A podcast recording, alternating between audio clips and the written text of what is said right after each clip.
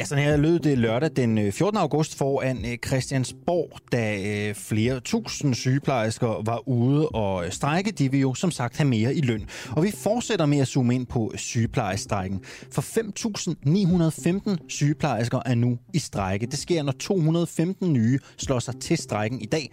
Altså fordi de gerne vil have mere løn. De er utilfredse med den løn, de får ifølge deres nuværende overenskomst.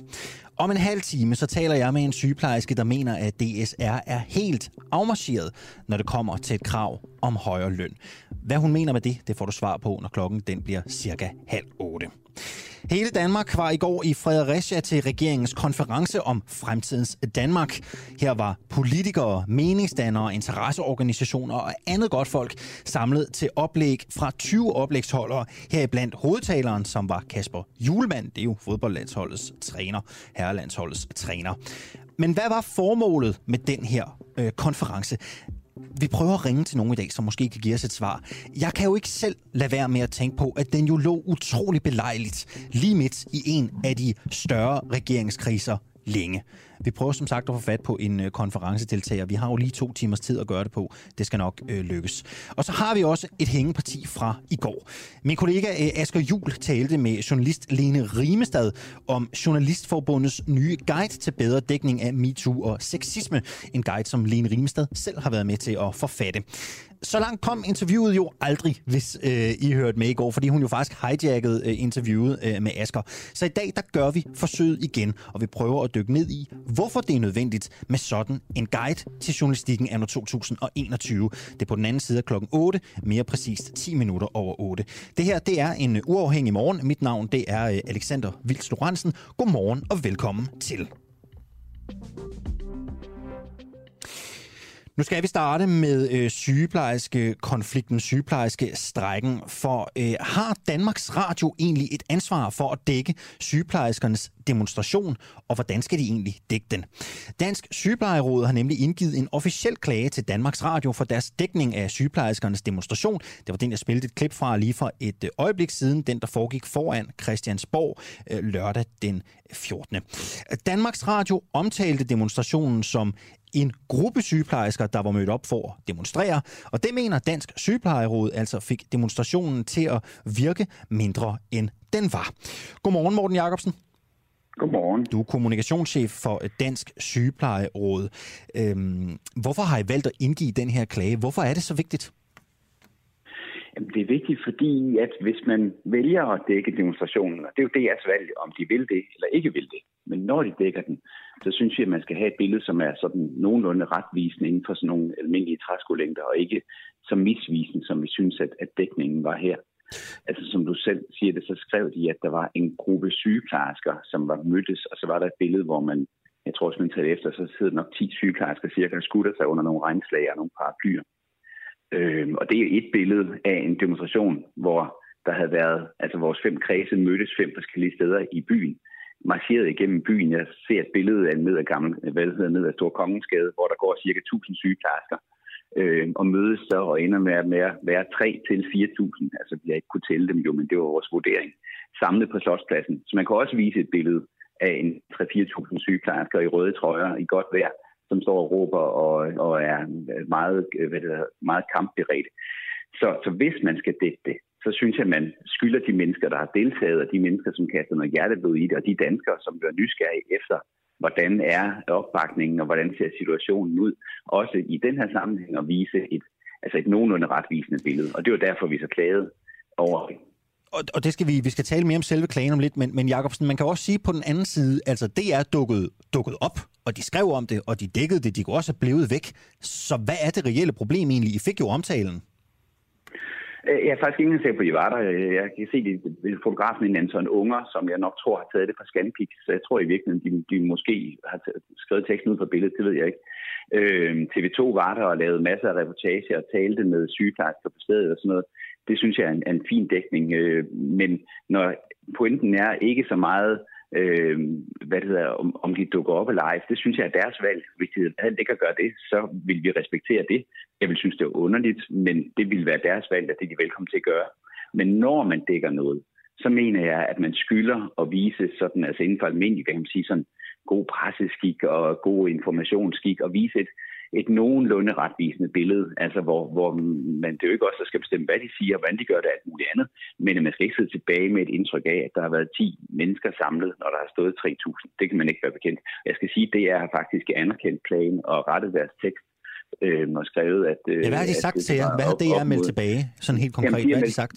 Ja, de er meldt tilbage, altså faktisk er virkelig meget ordentligt, synes jeg, altså, at, at en gruppe mennesker kan jo være mange forskellige ting, og kan også være en stor, øh, en stor samling mennesker, men de anerkender, at i den her sammenhæng og sammen med billedet, får man den oplevelse, at en gruppe mennesker her er en meget lille gruppe mennesker, og derfor har de rettet deres tekst øh, og, og beklager faktisk, at de har skrevet sådan. øh, øh, og siger så, at, øh, at de har rettet teksten, som den hedder, at op, jeg tror, de skrev omkring 3.000 eller op mod 3.000 mennesker deltog. Og det er vi sådan set fint tilfreds med. Det synes jeg er, er hederligt gjort, at det er. Øh, og, og viser, en, altså en, at, at de har en, en ordentlig tilgang til journalistikken og gerne vil vise retvisende billede, Og så komme til at lave noget her, som, ja, som jeg ikke lige skal kunne forklare hvorfor, men, men som i hvert fald de, de også selv er med på, ikke var, som det skulle være. Altså, hvad er de negative konsekvenser ved, at Danmarks Radio øh, kom til at omtale demonstrationen som øh, en gruppe, og måske valgte et billede, hvor der var øh, betydeligt færre sygeplejersker, end der måske var retvisende? Sådan, hvis vi ser det i det store billede, hvad er egentlig den negative konsekvens ved det? Altså, det, det er flere forskellige ting, kan man sige. Den ene, det er jo, at, at, at de almindelige danskere, som gerne følger med i konflikten, kan få et indtryk af, at, øh, at sygeplejerskerne ikke er enige om det her, eller der er meget få, der støtter op om det. Det er helt, helt forkert. Vi har en kæmpe opbakning i vores medlemskare til den strække, der er i gang nu. Altså, der var tre fjerdedel af de, der stemte, som stemte nej. Så det er, jo, det er jo et meget stort flertal af sygeplejerskerne, som vil have en anden løsning end den, der kom øh, i forlisinstitutionen. Det er sådan det ene ting, altså den folkelige jeg sige, oplevelse og opbakning. Den anden ting er også, og det er jo nok det, der i virkeligheden meget har ligget mig på scenen, de mange mennesker, som deltog i det, var jo enormt frustreret øh, og synes, det er simpelthen ikke fair det her. Altså, vi har øh, brugt en lørdag på det her for, for at markere os og for at vise, hvad vi mener, og for at vise, at vi mener, at det her er meget alvorligt, og samtidig også har brugt en masse tid og masser af kræfter på det, folk har kørt fra Aalborg og Esbjerg og Odense og alle steder i Danmark. Øhm, og så bliver de jo Men det er vel ikke noget, I bare gør for at komme på DR.dk? I gør det vel for jer selv, og I gør det for at stå sammen? Vi, og... vi, ja, vi gør det for at stå sammen, vi gør det for at vise sammenhold, vi gør det også for at vise politikerne, at vi mener, det er alvorligt jo. Altså, det er jo en helt del af hele den her kamp. Der er jo mange facetter i det her. Ikke? Vi er ude på alle medier, altså vores egne medier, på sociale medier, og vi deltager, som i det her, vi deltager i alle mulige andre sammenhæng. Så på den måde kan man sige, at der er ikke nogen katastrofe i det overhovedet. Det er en, en, en brik i, i, et, i et stort billede, ikke også? Bare en brik, som vi synes altså, lå helt forkert og, og, og, og var en helt forkert tegning på. Og derfor siger vi så, nej, det her, det kan jeg altså ikke være bekendt. Jeg skal faktisk sige, at jeg har været med i det her game i, i rigtig mange år. Det er første gang, jeg nogensinde har sendt en klage over et medie. Øh, vi er jo vant til, at man bliver klippet hårdt, eller der bliver vinklet på den måde, som medierne nu selv synes, øh, at de gerne vil vinkle en historie. Det er vi jo langt fra enige i altid. Der er også ting, vi synes, man burde dække, som ikke bliver dækket. Det må vi acceptere, sådan er spillereglerne i medierne. Men når man viser noget, så synes jeg også, at man som medie har en pligt til at vise et, et, altså et retvisende billede inden for sådan, inden for, som ligger inden for den skive, man spiller på, og ikke helt udenfor. Morten Jacobsen, du er jo dreven øh, mediemand. Hvis jeg ikke tager fejl, så har du også været vært på, på DR2 Deadline, du har været på TV-avisen, du, du har været mange steder, øh, og du har også været i, i Danmarks Radio, øh, som sagt. Er det dit indtryk, at medierne er øh, at medierne arbejder imod sygeplejerskernes interesser? Sådan den generelle mediedækning af, af konflikten, er den, øh, er den meget hård over for øh, sygeplejerskernes konflikt? Nej, det synes jeg faktisk egentlig ikke, den er. Øh, nej, altså vi kunne altid ønske os mere og andet, øh, men det er jo, som jeg sagde før, også jo øh, spillereglerne, at øh, selvfølgelig skal man gå efter vores øh, synspunkter, og man skal tjekke dem i sømmene, ellers så forsømte medierne jo deres opgave. De skal jo ikke hjælpe os i vores konflikt. De skal heller ikke hjælpe arbejdsgiveren i deres konflikt. Jeg har heller ikke indtryk af, at de gør nogle af delene. Men, øh, men de skal dække den, sådan at den almindelige, øh, almindelige medieforbruger kan få danne sit eget billede af, hvad der foregår og blive nogenlunde veloplyst. Og det synes jeg sådan igen målt i hele træskolængder, at medierne gør egentlig okay. Altså, vi kunne ønske os mere dækning hen over sommerferien, men der var jo både et, et EM og et øh, OL og et øh, hvad hedder, Tour de France med en fantastisk dansk rytter i. Øhm, og, og vi vidste jo også godt, at sygehusene eller hele sundhedsvæsenet ligger en lille smule underdrejet hen over sommeren, så de store konsekvenser af konflikten kom jo først senere, eller kommer nu. Og der synes jeg, vi har en, altså en der, der er meget dækning. Jeg har kigget på vores, øh, hvad kan man sige, det man kalder medietal, altså ikke på medias opgørelse af, hvor ofte bliver Dansk Sygeplejeråd øh, nævnt i medierne. Og der er vi altså en faktor 10 i forhold til normalen for, for, for den her årstid for os. Øh, er, det, er det nok? Er det meget? Er det lidt? Det, det er jo svært at vurdere, men, men jeg synes egentlig sådan i, i, mål, sådan i det helt store billede, så synes jeg egentlig, at medierne har, har været meget, meget okay øh, i den her konflikt, uden at øh, de har støttet os, det vil jeg sige. Og nogle medier har måske været mere imod os end andre, og andre har været mere for. Det er jo sådan lidt efter, hvilke kilder man vælger og sådan noget. Men, men i det generelle billede, der oplever jeg ikke, at, at medierne har en, en dagsorden med at tige det her i eller sådan noget. Her til sidst, øh, Morten øh, Jacobsen, øh, du er som sagt kommunikationschef og dermed også leder af hele kommunikations- og presseafdelingen i Dansk Sygeplejeråd. Du må være øverste mand i, i det departement vi kunne godt tænke os, det har vi jo sådan ligesom prøvet. Det er okay, hvis du siger nej, eller det kan du ikke forholde dig til, eller det må vi tage på et andet tidspunkt. Men vi kunne godt tænke os at høre lidt ind til øh, strækkestrategien. Altså, hvor længe kan man blive ved med at strække? Altså, hvor meget er der i kassen? Hvor længe kan man blive ved med at strække i sygeplejerådet? Vil du spørge øh, Grete Christensen, om hun har lyst til at øh, snakke med os på den uafhængige om, om det? Den tror jeg, som du siger, at vi tager en anden gang. Den tager vi en anden gang? det er jo, ja. Okay. Det er, jo ikke en det er jo ikke en strategi, vi har lyst til at dele med, med hverken arbejdsgiverne, okay. politikerne eller omverdenen. Okay, okay. Ved du vi, hvad? vi har nok. Det er godt. Så vil du være, Morten øh, Jacobsen. Tusind tak skal du have, fordi du havde lyst til at være med, og god morgen til dig. Jamen, i lige måde. Du lytter lige nu til en uafhængig morgen. Kritisk, nysgerrig og levende radio, som politikerne ikke kan lukke. Vi sender live alle hverdage fra klokken 7 til 9. Lyt med via vores app på DK4 DAB, fra vores Facebook-side, eller hvis du bor i hovedstadsområdet på FM-båndet 102,9. Tak til dig, som gør det muligt. Og oven på den tak, så er klokken blevet cirka 12 minutter over syv her i en øh, uafhængig morgen. Vi har brug for din hjælp her på øh, Den Uafhængige. Ikke øh, nødvendigvis bare i form af, af medlemskaber. Dem tager vi imod med kysshånd. I skal endelig være velkomne. Men vi skal også i gang med nye øh, store ting her på Den Uafhængige. For lige om lidt, så er det her ikke bare en kanal, som sender morgenradio. Vi skal også sende formiddagsradio, og så barsler vi også med et nyt eftermiddagsprogram. Men vi mangler gode mennesker, som har lyst til at hjælpe os med at lave det. Det her det er jo ikke noget, man bliver, man bliver rig på. Øh, det kan jeg så godt sige med det samme. Det er, øh, det er gode frivillige kræfter, der har lyst til at give sig i kast med at arbejde med at producere de her nye formater. Øh, det kan være som producer, det kan være som tilrettelægger, you name it. Og folk til at hjælpe med sådan den, den praktiske drift af den lille radiostation herinde. Hvis du synes, det lyder spændende, så kan du skrive til os. Du kan skrive til den uafhængige på Facebook. Du kan også skrive til Asger Jul selv. Hans mail står inde på vores hjemmeside dua.dk. Øh, byd dig til, hvis du har lyst. Du kan også stille spørgsmål, hvis du er lidt mere nysgerrig på, øh, hvad det ligesom er øh, for opgaver, vi går og øh, gerne vil have øh, sat i, i søen. Så er den opfordring i hvert fald givet videre. Øh, jeg står med det gode ekstrablad her. Det gør jeg, fordi jeg gerne vil dele en historie med jer. Jeg faldt over her øh, til øh, morgen, som ikke kunne øh, afholde mig fra at grine en, en lille smule. Det er øh, ekstrabladet, der har en, øh, en afsløring fra den politiske redaktion om Venstres Claus Hjort Frederiksen. Øh, og rubrikken lyder sådan her. Fik massage under dybt fortroligt møde.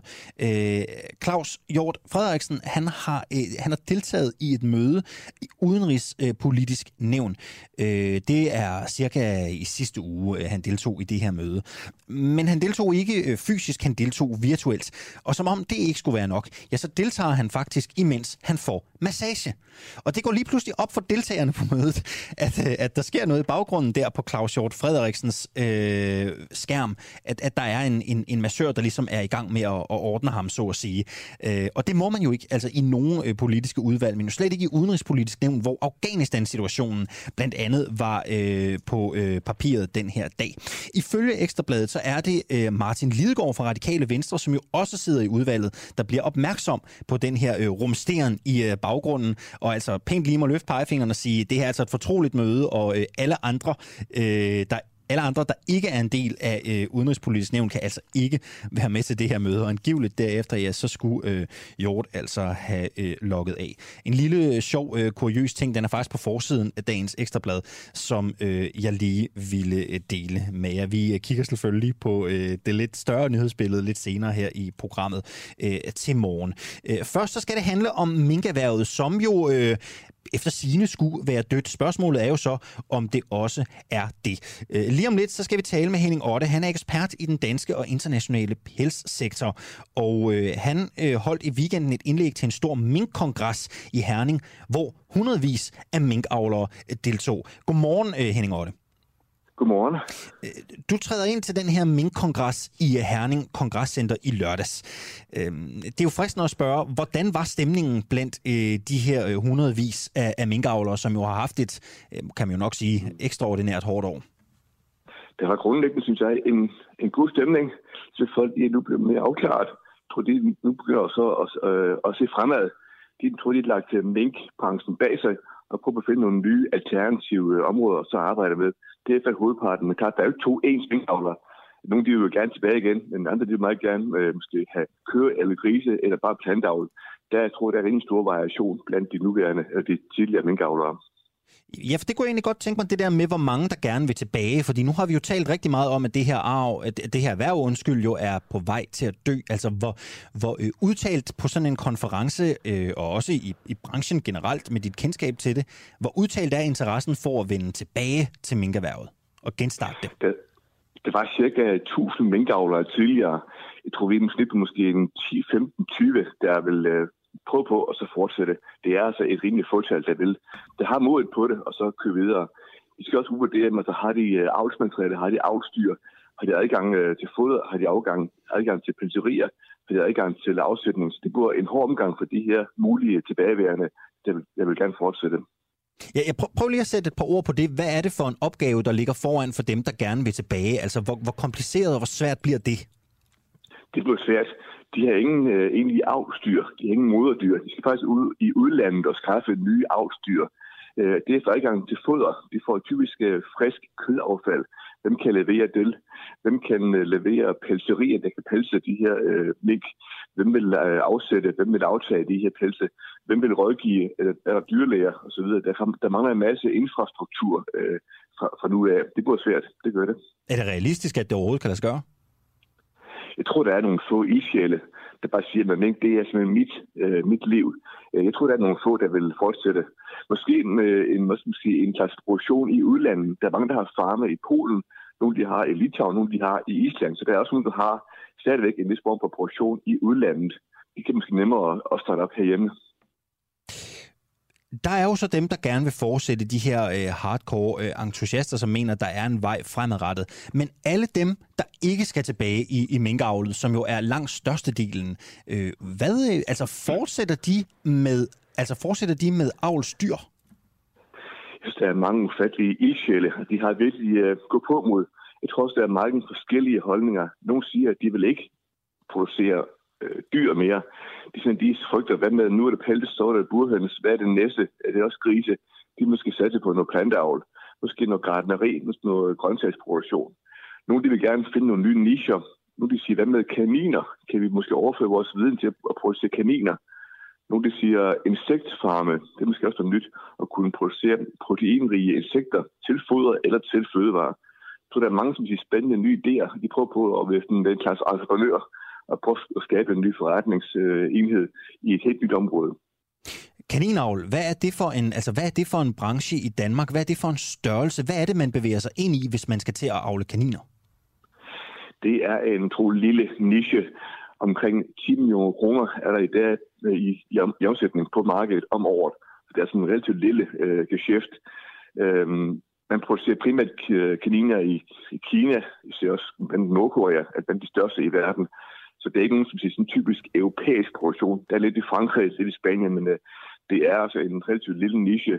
Det kan på ingen måde måles med minkavl. Altså, vi, vi får aldrig nogensinde igen en slags uh, succes som, uh, som minkavl. Det gør vi ikke. Vi får måske jo små nicher, der måske kan optage en del af det, skal sige, til, uh, til årsblivende ressourcer fra minkavl, men vi får næppe nogen ny skal sige, succes af minkavl.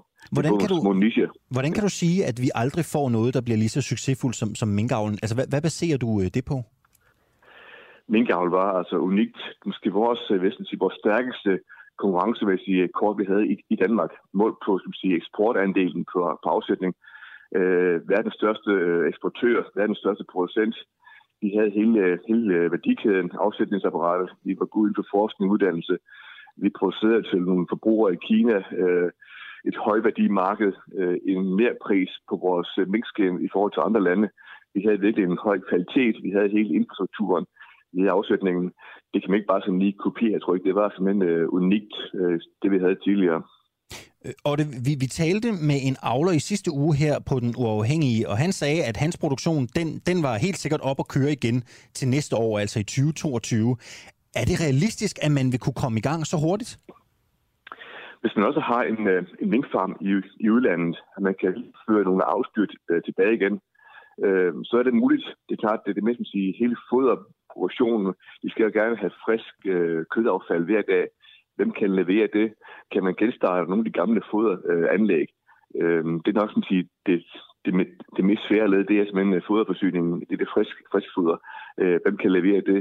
Øh, men klart, hvis man har et anlæg i Sverige eller i Litauen eller i i Polen, kan man nemmere sige, overføre de husdyr til Danmark og så starte videre herhjemme. Så er der i hvert fald en mulighed for det. Det er der. Nu talte vi lige om øh, det her øh, økonomiske aspekt ved minkavl, som har været en ekstrem stor øh, eksport i Danmark. Øh, nu bevæger flere sig måske over mod øh, kaniner, og nogle bevæger sig helt ud i, i, i plantebaserede dyrkelser. Kan man sige noget om, hvad, hvad det kommer til at betyde for den, for den, for den, for den danske økonomi? Der, der, der vil vel være et eller andet tab ved, at branchen går om på, på den måde? De tidligere, som siger, 10-12 milliarder i eksport om, om året, de tror, det er simpelthen tabt. Det, man kan øh, producere, det er simpelthen det er nogle nogle små nischer, altså kaniner, insekter, det er jo øh, promiller i forhold til det, som minkavlen det egentlig producerer. Så vi har nok for altid fået et øh, markant måske fået et øh, øh, markant samfundsmæssigt tab af det her, både mod i beskæftigelse og i eksport og i værdiskabelse. Det kan man ikke øh, genskabe overhovedet igen, det er jeg næsten sikker på. Her til sidst, øh, inden jeg slipper dig, kaniner, planter, insekter. Hvad med chinchilla-farmene? Det har vi tidligere sat fokus på her i Den Uafhængige. Kommer vi til at se flere chinchilla-farme i, øh, i Danmark, ud fra hvad du hører øh, ude i baglandet til konferencen? Vi har nok en vis øh, flaskehals i Danmark. Det er simpelthen det selve øh, garvningen af de der chinchillaer. Der er et, øh, et enkelt anlæg i, i Danmark, der kan garve øh, chinchillaer. De kan åbenbart ikke øh, garve flere øh, skin øh, om året, så der er nok en vis form for begrænsning. Kan man også forarbejde, kan man også fadle de der øh, chinchilla-skin. Men øh, du har det, de er jo ikke troet af covid-19. Mm-hmm. Øh, det er jo knæver, det er ikke, øh, de skal ikke have sådan frisk kød. Det er nemmere at producere dem end der, og så producere mink. Det kan nemmere udvide den, at man kan opstarte igen på minkavlen. Så det er i hvert fald øh, en væsentlig mulighed man så sige, at markedet er også væsentligt mindre for chinchilla, end det er for minkskin. Så det vil sige, potentialet er også begrænset på det område. Det sagde Henning Otte, der altså er ekspert i den øh, danske og øh, internationale pelssektor. Klokken den er 23 minutter over øh, syv, og så skal jeg jo øh, lige vende din opmærksomhed tilbage på et indslag, som vi havde i går. I går der havde vi et interview med øh, Brian Mørk. Brian Mørk, øh, stand-up-komikeren, som jo er kommet i øh, måske øh, den, den største shitstorm på de sociale medier i nyere tid på baggrund af hans øh, udtalelser om, om, om, om MeToo og om, og om feminister i øh, særdeleshed. Brian Mørk, han sagde jo i går, at han har oplevet at blive aflyst øh, et par gange, og han konkret nu står med den udfordring, at han er blevet aflyst fra et stort show i Aalborg, som skal køre om en uge eller 14 dage. Jeg kan faktisk ikke huske helt præcis, hvornår øh, øh det var. Øh, vi har jo forsøgt, og vi forsøger stadigvæk at finde ud af, hvem det er, der har aflyst øh, Brian Mørk. Fordi øh, der er jo ikke tale om et offentligt arrangement på den måde, udover at man kan købe billetter til det. Men der er angiveligt nogle sponsorer til det her store show i Aalborg, som ikke har ønsket øh, Brian Mørks øh, deltagelse. Og så kan man jo sige, er det dem, der er skurken? Det, det kan man jo mene. Brian Mørks holdning er jo i hvert fald, han er ikke den eneste, der har den holdning, givetvis. Den er sikkert delt af mange i samfundet. Så er det rimeligt, at man på den måde kan blive truet på sit levebrød for at ytre en helt gængs almindelig holdning. Øh, her på Den Uafhængige, der vil vi rigtig, rigtig gerne tale med dem, der mener, at det er fair. Og derfor forsøger vi altså at finde frem til øh, den her, øh, til den her øh, investor, det her arrangement. Hvis du ved noget derude, er du jo velkommen til at skrive til os, så må du meget gerne sende os en sms. Øh, det det altid, fungerer som altid sådan, at du skriver DUA, D-U-A-H, laver et mellemrum, skriver din besked, og så sender du den afsted til øh, 1245. Øh, jeg håber selvfølgelig også, du har lyst til at blande dig i programmet øh, her i løbet af udsendelsen. Det ville jeg synes var rigtig underholdende. Det gør du selvfølgelig på samme måde. Og jeg har fået et par kommentarer på det forrige indslag, vi bragte her i en uafhængig morgen, nemlig om sygeplejerskernes dækning, altså dækning af sygeplejerskernes øh, strække og deres øh, vilkår. Jeg talte med Morten Jacobsen, han er kommunikationschef i Dansk Sygeplejeråd. Øh, vi har fået et par beskeder her. En fra Meisen Marker, som skriver, medieomtalen omkring strækken synes at skulle trække så meget negativitet frem som muligt. Der er jo det sted udviklet et had til sygeplejersker, når man læser øh, rundt omkring. Øh, Også fået en sms her. Jeg mener ikke, øh, det er DR's eget valg at dukke op. Det er ikke en privat institution, men får milliarder for at give public service til befolkningen. Derfor skal de dække en konflikt, som sygeplejerske konflikten. Alt andet er øh, skandaløst, skriver Carsten. Bland dig øh, som sagt meget gerne i øh, debatten her på Den Uafhængige. Du kan også gøre det i øh, Facebook-feedet. Jeg vinker lige til kameraerne, hvis du sidder og ser med på Facebook. Eller så kan du skrive på Twitter. Du skal bare fange vores øh, Twitter-handle, der hedder Den øh, Uafhængige. Så er, vi, øh, så er vi mere end klar til at øh, følge med der også. Når jeg siger lige, siger I land. Lige, lige. Når jeg siger lige, siger I land. Lige, lige. Når jeg siger lige, siger I land. Lige, lige. Ja, så lød det altså til sygeplejerskernes demonstration øh, foran Christiansborg, hvor min, øh, mine kollegaer øh, Peter Marstal og Clara Vind var, var med, øh, da der blev øh, strækket sidst. Ligeløn, det er øh, den store kamp. De vil have mere i løn, sygeplejerskerne. Men spørgsmålet er, om det er det eneste, de egentlig burde kæmpe for. Øh, Lene Tolstoft mener, at der er meget mere at kæmpe for end en højere løn. Hun er selv sygeplejerske, og øh, hun er faktisk øh, med nu her. Godmorgen, øh, Lene Tolstoft. Godmorgen. Skal sygeplejerskerne have mere i løn? Det vil alle jo gerne. Ja, hvad synes men, du? Men det, jamen, øh, umiddelbart nej, så synes jeg, det er et forkert fokus. Okay, så, så det er ikke vigtigt, at, at der kommer mere i lønningsposen til sygeplejerskerne? Jamen, alle vil selvfølgelig gerne have mere i løn, men det vil ikke løse de problemer, som de slår så hårdt på trummen for, at vi har øh, hver eneste dag døgnet rundt. Men, men øh, hvis man så ikke skal kæmpe for mere i løn, det vender vi tilbage til senere naturligvis. Hvad er det så, de skal kæmpe for? Hvad burde de kæmpe for i stedet for? Jamen, de burde kæmpe for, at sundhedsvæsenet simpelthen bliver revet op med råd og vendt på hovedet og effektiviseret, fordi det er hverken behovs- eller tidsvarende, som det er i dag. Øh, og som jeg også skriver i, i min kronik øh, i Jyllandsposten for et par uger siden, så er der ikke øh, alle de der ulykkelige ting med i, hvor vi græder, og nej, hvor vi stopper på arbejde. Det er jo ganske, ganske forfærdeligt, men hvordan hjælper en lønforholdelse? Det gør det ikke.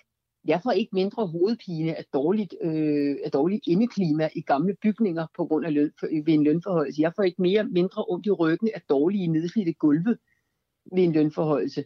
Jeg, jeg vil, øh, jeg, altså en løn, lønnen vil svare til, til øh, arbejdsindsatsen, hvis den bliver effektiviseret, hvis sygehusvæsenet blev effektiviseret på en måde, sådan så vi ikke skulle lave så meget dobbeltarbejde, der ikke var så mange mellemledere, altså sådan, så der var flere varme hænder, og de kan sagtens findes. Det er bare et spørgsmål om at, øh, at revurdere hele sundhedsvæsenet, for det svarer overhovedet ikke til den tid, vi lever i. Tolstof, du er som sagt selv sygeplejerske. Hvor mange ja. Kender du til, der deler din holdning med, at det ikke er mere løn, der er vigtigt?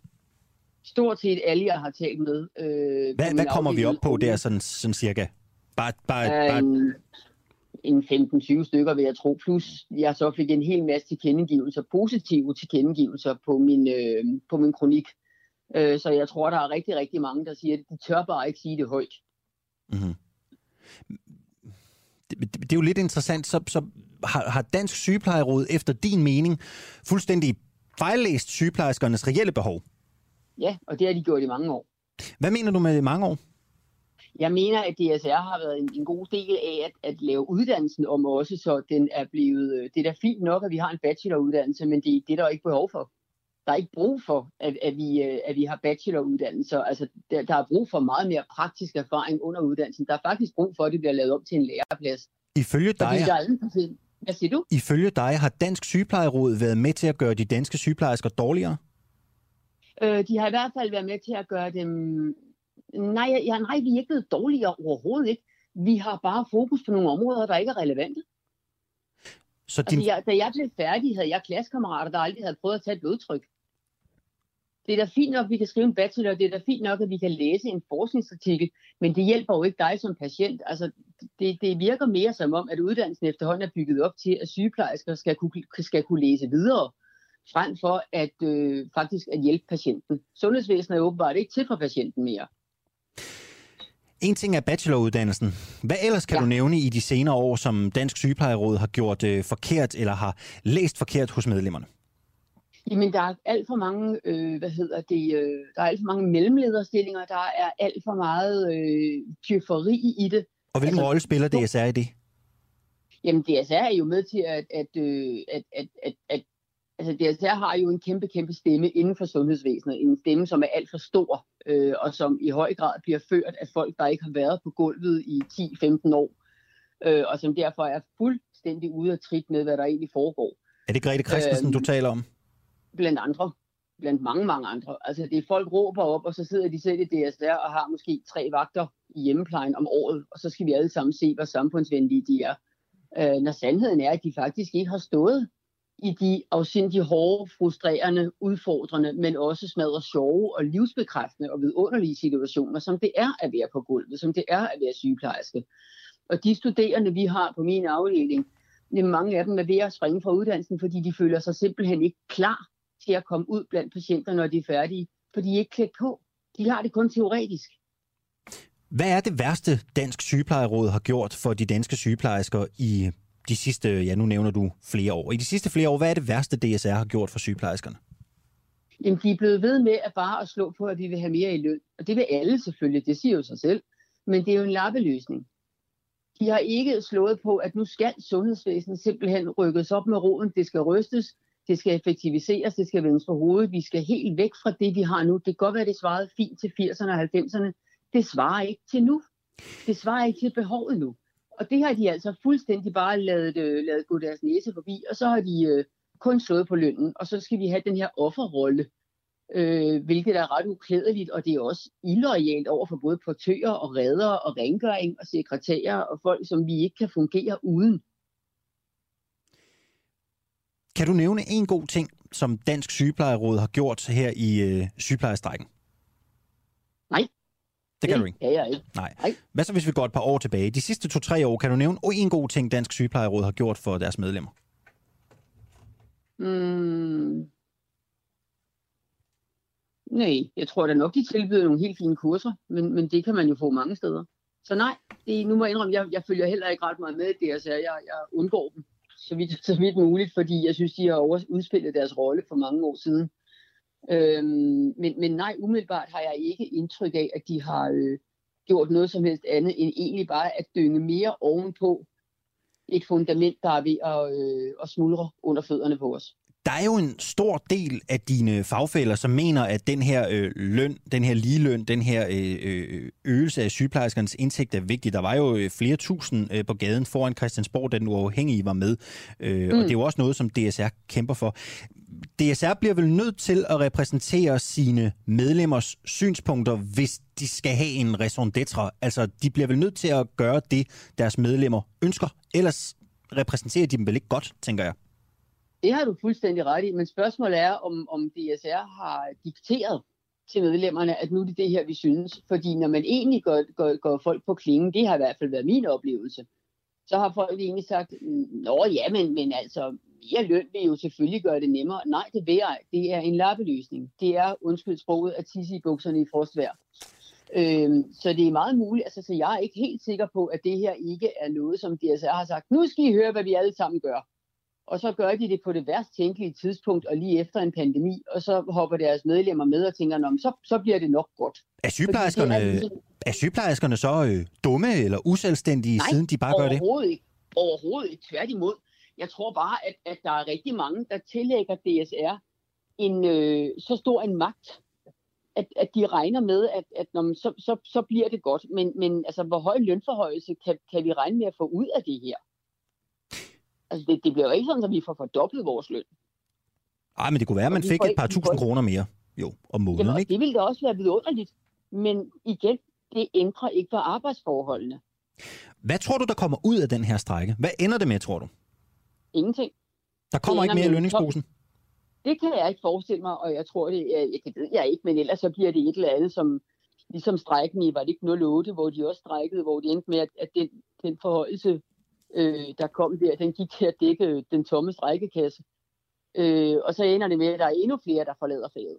Fordi det er for hårdt, og det er også bare øv og se os ikke nu noget. Og vi bliver jo også punktet konstant for, at, at det er sørme synd, og hvor er vi dog underbetalt, i stedet for at gå ind og se på problemets absolut dybere rødder. Nemlig det faktum, at vi arbejder under nogle fuldstændig tåbelige forhold. Altså, de kan lade sig gøre på privathospitaler og effektivisere det. Så må det også kunne det i det offentlige. Jeg antager, du, jeg antager ikke, du selv er medlem af, af DSR. Eller er du stadig Nej. med? Nej, lige, Nej, nej det, mand. det kunne jeg næsten. Det kunne, hvor mange år har du egentlig været ude af DSR? Jamen, det, øh, det har jeg i 10 år, tror jeg. 10 år alligevel. Ja. Ja, det, altså, jeg skal spørge dig alligevel. Øh, Synes du, Grete Christensen skal gå af? Øh, altså, det, jeg, jeg synes ikke, der har været nogen fornuftige repræsentanter for, for den biks i mange år, så, så om det er den ene eller den anden, det er vel nærmest irrelevant. Altså, de siger det samme, og de er, de er lige inkonsekvente, når det kommer til stykket. Og, og med alt det nepotisme, der også er i DSR's mellemleder, som Hva, jeg har hva, hva, oplevet... hvad, mener du med, hvad mener du med det? Hva, hvilken, Jeg mener, hvilke grader af nepotisme oplevet- hersker der der? jeg, jeg mener, jeg har oplevet en elendig chef på et andet hospital, hvor man så gik til hendes chef for at klage over hende. Øh, begge to øh, DSR-medlemmer og, og, og fremtrædende i DSR. Og der sagde hendes chef, jeg har ikke hørt om andet end klager om hende i halvandet år. Det bliver altså ikke anderledes. Og så var den ikke længere. Hvor foregik det Øhm, henne? Det var på et andet det var på et hospital i Storkøbenhavn. Okay. Øh, jeg må hellere lade være med at sige det. Nå, det synes jeg da ellers, du skal gøre. Det er da interessant, hvis, øh, hvis der Øh, hersker nepotisme i... Øh... Det var på Herlev sygehus? Det var på Herlev. Ja. Okay. Øh, og det, det, altså, der sidder virkelig, virkelig mange, øh, også arbejdsrepræsentanter og øh, fagforeningsrepræsentanter og hvad pokker det hedder alt sammen. Og de har ikke haft med patienter at gøre i overvis. Men de hjælper De hinanden og dækker ind for hinanden ude på... Altså, Det er det indtryk, jeg har fået. Der, hvor jeg er nu, nej, der Har- har vi en vidunderlig chef. har du andre eksempler Øh, end det fra Herlev? Øh, ja, ja, det har jeg altså fra flere steder på Herlev, men det var, det var nogenlunde det samme, jeg fik at vide alle steder. Lad os, lad os få et eksempel til. Du behøver ikke nævne, hvilken afdeling det var, men hvor, hvor har du ellers oplevet nepotisme i de der DSR-lag henne på Herlev? Lad os, lad os få et eksempel Ja. mere. jeg, jeg, jeg, havde, jeg, jeg oplevede også et eksempel, hvor de gik op til hende, de gik op til en anden chef, chef og hun sagde, nogle mennesker kan lave alting, nogle mennesker kan kun lave få ting. Forestil dig, at du arbejder på et slagteri. Nogle kan lave bøffer og pølser, nogle kan kun lave det ene, og hun kan altså ikke lave pølser. Citat slut. Okay. Ordret, Okay. citat slut. Skræmmende nok. Øhm, Og hvem drejede det så om, men altså, den nepotisme? Jamen, det, det er jo netop, når, når medarbejderne går til øh, mellemlederne og er kede af deres chefer. Jamen, jamen, hvilke funktioner jeg ved taler vi ikke, om om det her? er sådan alle steder. Det skal lige siges. Jeg ved jo ikke, om det er sådan alle steder. Nu får jeg jo sikkert DSR på nakken, og det er også helt fint. Men der er for meget rygklapperi i, øh, i sundhedsvæsenet. Der er for mange, der er gode venner. Øh, der er simpelthen ikke konsekvens nok, og der bliver, der bliver øh, der er ansat alt for mange mellemledere i fuldstændig unødvendige stillinger. Og der kunne DSR godt gå ind og slå hårdt ned, men det gør de ikke.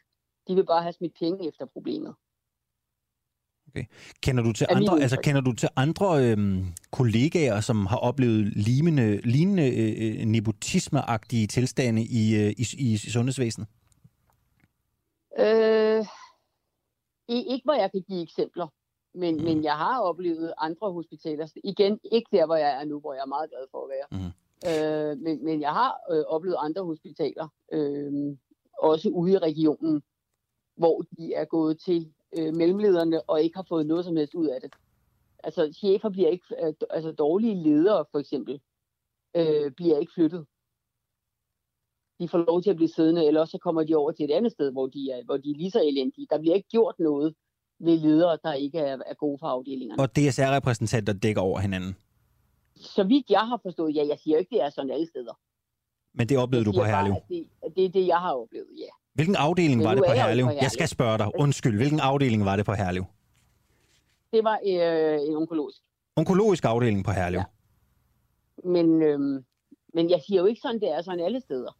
Nej, nej, nej, nej. Jeg siger bare, at DSR har, øh, har for meget magt, øh, og de er simpelthen blevet for store. Prøv at høre, ved du hvad? Jeg, øh, jeg læser simpelthen lige en sms. Øh, jeg, jeg læser simpelthen lige en sms op, der er kommet. Øh, den synes jeg, du skal høre. Øh, ja. Den kvindelige sygeplejerske, der igennem her kommer med et af de mest indsigtsfulde indspark fra den side af øh, konflikten. Det kan faktisk godt gå hen og blive en akilleshæl i konflikten, skriver øh, Mark F. Så et indsigtsfuldt indspark øh, skal du have ros for Tusind her. tak, Mark. for F. Det er Det er hermed... jeg meget glad for. Ved du hvad, prøv at Lotte, øh, tiden går, og, og, vi skal videre i programmet, men, men må, må vi ikke ringe til dig efter udsendelsen, fordi vi har simpelthen så mange spørgsmål. Må vi ikke lige ringe og få en snak bagefter? Altså, det er spændende ting, Endelig, du kommer det med. vil da være mig en ære. Det Ved du hvad? kun være en fornøjelse. Prøv at Lotte, det tror jeg er roligt, du kan regne med, Lene. at... Øh, Lene, undskyld, ved du hvad, det er mig, der Jamen, koger det er rundt helt i orden. Jeg Ja, reagerer på hvad som helst. Det er fint. Ved du hvad, det skal du ikke, det skal du ikke tænke på. Tusind tak skal du have, fordi du havde lyst til at være med, og øh, rigtig Tak, øh, god morgen til dig. I lige måde, tak. Du lytter til Den Uafhængige. Danmarks måske mest kritiske, nysgerrige og levende taleradio. Som politikerne ikke kan lukke. Mere end 3.000 medlemmer støtter os allerede, og jo flere vi er, jo mere og jo bedre journalistik kan vi sende ud til dig. Se hvordan du kan støtte os. Gå ind på duah.dk. Klokken den er øh, 19 minutter i øh, 8. Tid til et lille øh, nyhedsoverblik over, hvad der ellers øh, rører sig ude i den store verden og i vores indland. Den øh, amerikanske præsident Joe Biden, vi starter i USA, han har ved et pressemøde i går fastslået, at USA er på vej til at gennemføre evakueringen af amerikanere og afghanere, der har hjulpet de amerikanske styrker fra Afghanistan. Han siger, at vi fortsætter vores operation, og vi er på vej til at kunne afslutte den inden for tidsfristen den 31. august. Men det kommer helt an på Talibans fortsatte samarbejde. Han har dog samtidig bedt det amerikanske forsvarsministerium om at lægge en plan for en eventuelt forlænget tilstedeværelse i Afghanistan, hvis det skulle blive nødvendigt. Biden understreger samtidig, at der er en stigende risiko for de amerikanske tropper, der opholder sig i Kabul. Truslen kommer ifølge præsidenten i første omgang fra en terrorgruppe, der kendes som ISIS-K snarere end fra Taliban. Ifølge præsidenten så har amerikanerne forløbet evakueret 70.700 personer fra Afghanistan, det meddeler Danmarks Radio her øh, til morgen. Hjem til Danmark igen, for regeringen de vil som led i udmyndningen af politiaftalen for de kommende par år fremlægge et lovforslag, der betyder, at taksten for alle fartbøder forhøjes med 20 procent. Transportminister Benny Engelbrecht kalder hastighedsovertrædelser en af de væsentligste årsager til, at der opstår farlige situationer i trafikken, og derfor skal der sættes ind, siger han. Det skal være sådan, at bøder har en afskrækkende virkning og fortæller, at bødetaksterne sidst blev ændret i 2012 og ikke har fulgt med løn- og prisudviklingen frem til nu. Det, der sådan ligesom er processen, det er, at forslaget det nu er sendt i høring, og så bliver det fremsat i Folketingets åbningsuge. Og hvornår er det nu lige, vores politikere de kommer tilbage fra sommerferie? Ja, det gør de jo i oktober. Så fremt øh, forslaget det bliver vedtaget, ja, så vil de højere bødetakster være gældende fra 1. januar. Og der er rimelig øh, pæn opbakning øh, til forslaget her øh, fra øh, bilisternes øh, interesseorganisation. Det er Forenet Danske Motorejere, den der også hedder FDM. Øh, her siger chefkonsulent Dennis Lange, at det giver god mening at hæve bødetaksten. Dog er de bange for, at det mere handler om at få penge i øh, statskassen til at finansiere politiaftalen, end det handler om at sørge for bedre trafiksikkerhed. Og så kan vi lige nå en enkelt kort nyhed fra øh, medieverdenen også. Det skal handle om Danmarks Radio, fordi der er kommet omkring 120 henvendelser til DR i forbindelse med en ekstern advokatundersøgelse om krænkende forhold i DR-pigekoret siden 1980'erne. Den historie, den går DR selv ud med i en øh, pressemeddelelse. Den her advokatundersøgelse, den blev sat i søen i maj, efter flere har stået frem og henvendt sig til DR om sager, som lå mange år tilbage i øh, tiden. Og øh, nogle af de 120 henvendelser, de lapper ifølge Danmarks Radio over hinanden. Der er både tale om personer, der er kommet med egne vidneudsagn, og personer, der er kommet med oplysninger, der ikke vedrører dem selv, skriver øh, Danmarks Radio. Øh, Henrik Bo Nielsen, han er kulturredaktør i Danmark, kulturdirektør i Danmarks Radio. Han siger pressemeddelelsen, øh, han siger pressemeddelelsen, omfanget af henvendelser her er med til at understrege, hvor alvorlig øh, den her øh, sag den øh, egentlig er. Øh, og jeg skal lige kigge på, jeg kigger på min producer. Jeg er jo alene i studiet i dag, så vi skal jo forsøge at jonglere med alle bolde. Nikolaj, er det, det er ikke René Fredensborg, der er på nu, vel? Nej, du har Jim Laugesen. Jeg har Jim Laugesen. Yep. Ham tager vi så lige om lidt. Jim Laugesen, han er nemlig tidligere badmintonspiller, og så deltog han ved OL i Sydney i år 2000. Og vi skal tale om, hvorvidt Victor Axelsen, den øh, store øh, OL-guldmedaljevinder i badminton, han svigter øh, badminton Danmark ved at rejse til Dubai. Øh, han har nemlig valgt at flytte sit liv og sin karriere til øh, Dubai, og det har altså mødt stor kritik fra mange sider. Spørgsmålet er bare, hvad der er op og ned i sagen. Øh, vi kan i hvert fald forsøge at blive lidt klogere nu. Det kan vi sammen med dig, Jim Laugesen. Godmorgen. Jim Laugesen, kan du høre mig? Måske, måske ikke. Jeg tror, vi har et... Øh, jeg kan i hvert fald høre en, der trækker vejret i den anden ende.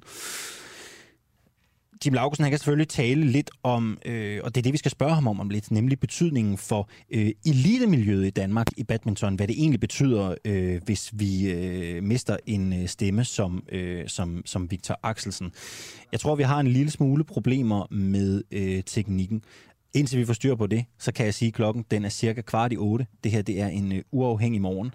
Øh, hvis du har lyst til at støtte os, hvis du vil have mere kritisk og nysgerrig journalistik, så kan du øh, gå ind og støtte os for kun 39 kroner om måneden. Det koster 349 kroner om året.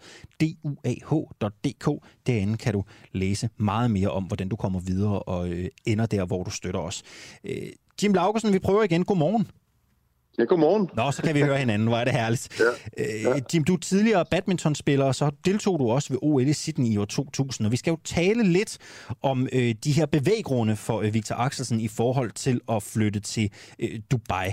Øh, det kan måske være svært øh, for sådan nogen, der ikke er elitesportsudøvere som os, at forstå, hvorfor han vælger at flytte fra Danmark. Hvad kan grunden være til det?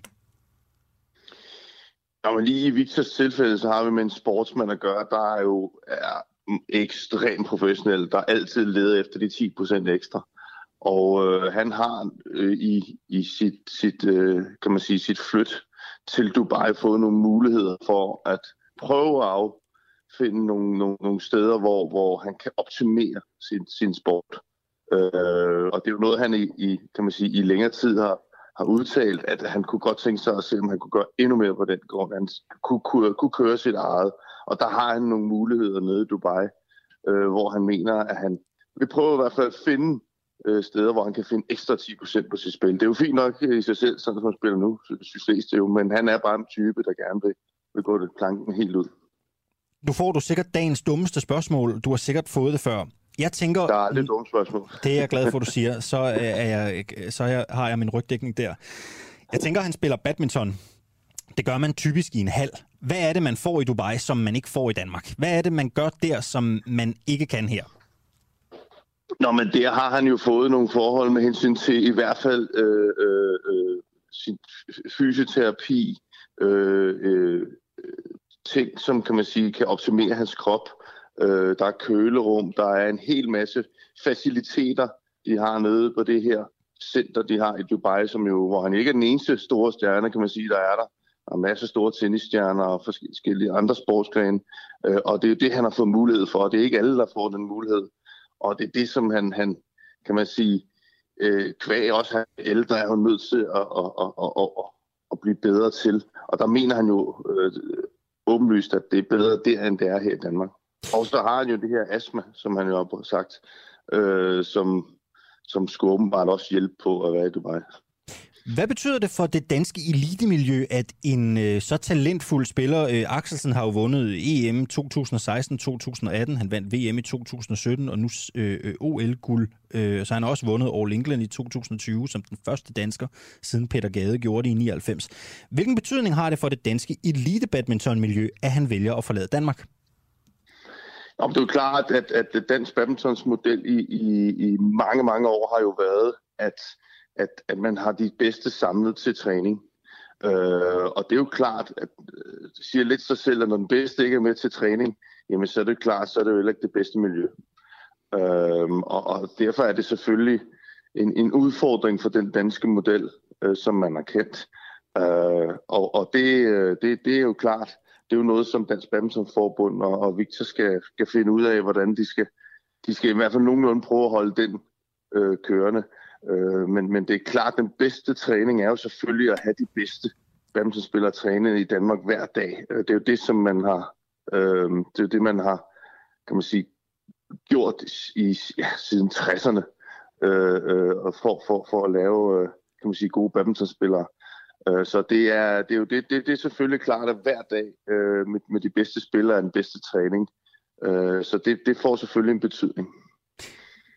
Hvad tror du, han tænker om alt det postyr, øh, han oplever lige nu? Øh, bølgerne går jo højt i, i pressen og i den offentlige debat. Nå, men jeg tror ikke, Victor er, var sekund i tvivl om, at, at, at selvfølgelig vil det her skabe noget røre. Øh, øh, og det, øh, det, det, det, han er ikke, han har ikke, han har ikke gjort det her, øh, og så troet på, at øh, alle bare synes, at alle i, i Danmark synes, det var det, det fedeste.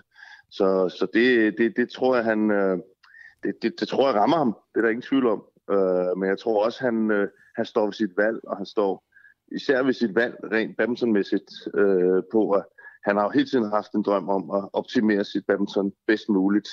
Øh, og også sådan lidt gå sin egne vegne.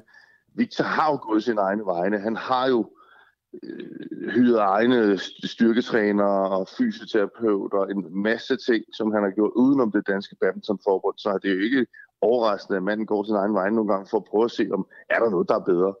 Øh, men men han, han, øh, han, han ser det her som en mulighed, og, og han, han vil prøve det af. Der er ikke nogen, der siger, at Victor han øh, øh bliver nede i Dubai, øh, og der kan ikke, altså, jeg har endnu ikke set øh, mange, som, hvor det lykkes ikke, eller det lykkes at lave den her træning uden for, for, for, for Danmark. Så det er jo også spændende i sig selv. Kunne du selv finde på at gøre som Victor Axelsen? Øh, det er det er meget svært for mig, og, fordi det er en helt, helt anden tid i, i badminton. Jeg er mm-hmm. tilbage, hvor der er virkelig, hvor, hvor kan man sige, til, og økonomien jo slet, slet ikke var øh, til muligheden for at kunne, kunne øh, næsten købe en billet til Dubai. Så lad mig spørge øh, på en anden måde. Med de forhold, ja. vi kender til i øh, Dubai, øh, med øh, slavelignende forhold, øh, brud på menneskerettighederne, hvordan vil du have det med at flytte til sådan en stat? Det, det er jeg slet ikke hentet ind til. Det er, øh, jeg, jeg skal rent sportsligt udtale mig om ting. Det er ikke okay. noget, jeg øh, øh, tænker på det der. Ved Selvfølgelig har jeg mening, men det er ikke det, jeg bliver spurgt til. Men du, og du vil ikke dele din holdning med os? Nej, det vil jeg ikke. Jeg er badminton-ekspert. Ved du hvad, Jim Laugesen, det er helt i orden. Så skal jeg ikke presse dig mere. Øh, tusind tak skal du have, fordi du havde lyst til at være med her til morgen. Velbekomme. Du lytter lige nu til en uafhængig morgen. Kritisk, nysgerrig og levende radio, som politikerne ikke kan lukke. Vi sender live alle hverdage fra klokken 7 til 9. Lyt med via vores app på DK4 DAB, fra vores Facebook-side, eller hvis du bor i hovedstadsområdet på FM-båndet 102,9. Tak til dig, som gør det muligt. Om cirka øh, 20 minutter, så skal det handle om en ny guide, der er dukket op i journalistkredse. Og så ved jeg godt, der er mange, der sikkert sidder og tænker, at journalister de taler rigtig meget om journalister. Det kan der givetvis også være noget om, men ikke desto mindre, så er det her altså en smule vigtigt, øh, tænker jeg. For spørgsmålet, jeg stiller om 20 minutter, det er, er der brug for retningslinjer, som medier dækker MeToo bedre? Det øh, mener man jo i hvert fald i øh, Journalistforbundet, hvor man har udgivet en guide, der slet og ret hedder Guide til bedre dækning af MeToo og sexisme. Lene Rimestad, hun er en af forfatterne bag den her øh, guide, og hende taler jeg altså mere om 20 minutter og spørger, hvorfor der egentlig er behov for den her i øh, journalistikkens hverdagsbillede anno 2021. Øh, øh, hun var med i går, men der tog interviewet jo altså en øh, lille øh, drejning, da hun talte med min kollega øh, Asger Jul. Forløbet så bliver vi en lille smule ved øh, Victor Axelsens øh, exit til øh, Dubai. Jim Laugesen var med, han talte om det sportslige, men debatten kører jo på højtryk i Danmark, i de danske medier, på Twitter og på Facebook, i den offentlige debat. Der tordner rigtig mange jo mod Victor Axelsens øh, exit til øh, Dubai. Godmorgen, Poul Madsen. Godmorgen. Du er vært på, på Forsiden, som jo, er en, øh, som jo er en podcast, der bliver produceret på Podimo, og så er du tidligere øh, ansvarshavende chefredaktør på Ekstrabladet gennem mange år. Jeg tror endda, der er nogen, der måske vil sige, at du er eller var Ekstrabladet. Øh, Poul Madsen, hvorfor er det et problem, at Axelsen flytter til Dubai? Jamen, det er jo et problem, fordi sport øh, er jo tæt forbundet med øh, de steder, man er. Og øh, jeg tror, mange tænker, at øh, Victor Axelsen, det er sådan en øh, fantastisk mand. Altså, jeg havde det jo selv sådan, da jeg så ham øh, ved en OL-guld. Jeg nærmest græd sammen med ham, fordi han græd så inderligt. Men man er jo nødt til som sportsmand også at tænke over, hvor er det, øh, man, man træner henne. Det vil jo være sådan, at når øh, Victor Axelsen er færdig med sin træning i Dubai, så vil der komme nogen, der gør halen rent. Det er så mennesker, der lever under slavelignende forhold, øh, som kommer ind øh, og cleaner efter ham. Og det vi også har set allerede nu, det er jo, hvordan Dubai styrer udnytter det, at man har fået ham til at træne i Dubai. Øh, altså en kæmpestor artikel øh, i går i det officielle øh, tidsskrift dernede, hvor ministeren står og trykker hånd, og man overrækker en nærmest en guldmedalje til ham fra Dubai. Altså, det holder ikke. Øh, sportsfolk er også nødt til at tage stilling til, hvor de er henne. Men Victor Axelsen har jo ikke noget direkte at gøre med slavearbejde. Altså, det, er jo ikke, det er jo ikke ham, der tvinger nogen til noget, så, så hvorfor skal han holdes til indtægt for det? Jamen, det er vi alle sammen nødt til at forholde os til. Altså, lige om lidt får vi jo en kæmpe diskussion i Danmark, hvor vores fodboldlandshold formentlig kvalificerer sig til VM, som bliver afholdt i Katar. Og altså, den tid er jo forbi, hvor man ikke kan tage, øh, hvor man bare kan sige, at jeg ved ikke noget, som, som Victor Axel har sagt, jeg ved ikke noget om, om de internationale forhold og forholdene i Dubai. Altså, man er nødt til, ligesom vi tager stilling til alt, hvad vi ellers foretager os, hvad vi drikker, hvad vi spiser, hvordan det er produceret, så er vi også nødt til at forholde os til, hvor vi tager hen øh, i verden. Øh, og det er jo ikke sådan, jeg tænker, at det kun er Victor Axelsen, der skal gøre det her. Altså i virkeligheden synes jeg jo, at hvis man skal tale om en skandale omkring det her, så er det jo, at badmintonforbundet øh, overhovedet ikke vil forholde sig til, hvad det er for et sted, han tager hen, men alene taler om, at eliteudviklingen i Brøndby vil gå i stå, fordi han, han tager derned og ikke bliver hjemme og træner sammen med sine venner. Hvorfor skal badmintonforbundet forholde sig til det? Det skal de, fordi vi lever i en verden, øh, som er under forfærdelig, og hvor man er nødt til også at se på, øh, hvor man tager hen, øh, hvad man gør. Øh, altså i går i mit program øh, foreslog Katrine Lille og præsten, at man lavede en form for certificering af lande, ligesom øh, vi har på alt andet. Altså vi certificerer alt, hvad, hvad vi både spiser og drikker og i det hele taget foretager os. Hvorfor ikke også øh, forsøge at lave en form for certificering af, af lande, vi tager hen? Og det er jo ikke kun Victor Axelsen. Der er jo masser af danskere, som er taget til Dubai og har fået solskin og glemt alt om corona og alt muligt andet, men vi er jo nødt til at forholde os til øh, det, vi gør. Blåstempler Victor Axelsen øh, regimet i øh, Dubai? Blåstempler han slavearbejde øh, og, og, og øh, brud på menneskerettigheder ved at flytte derned?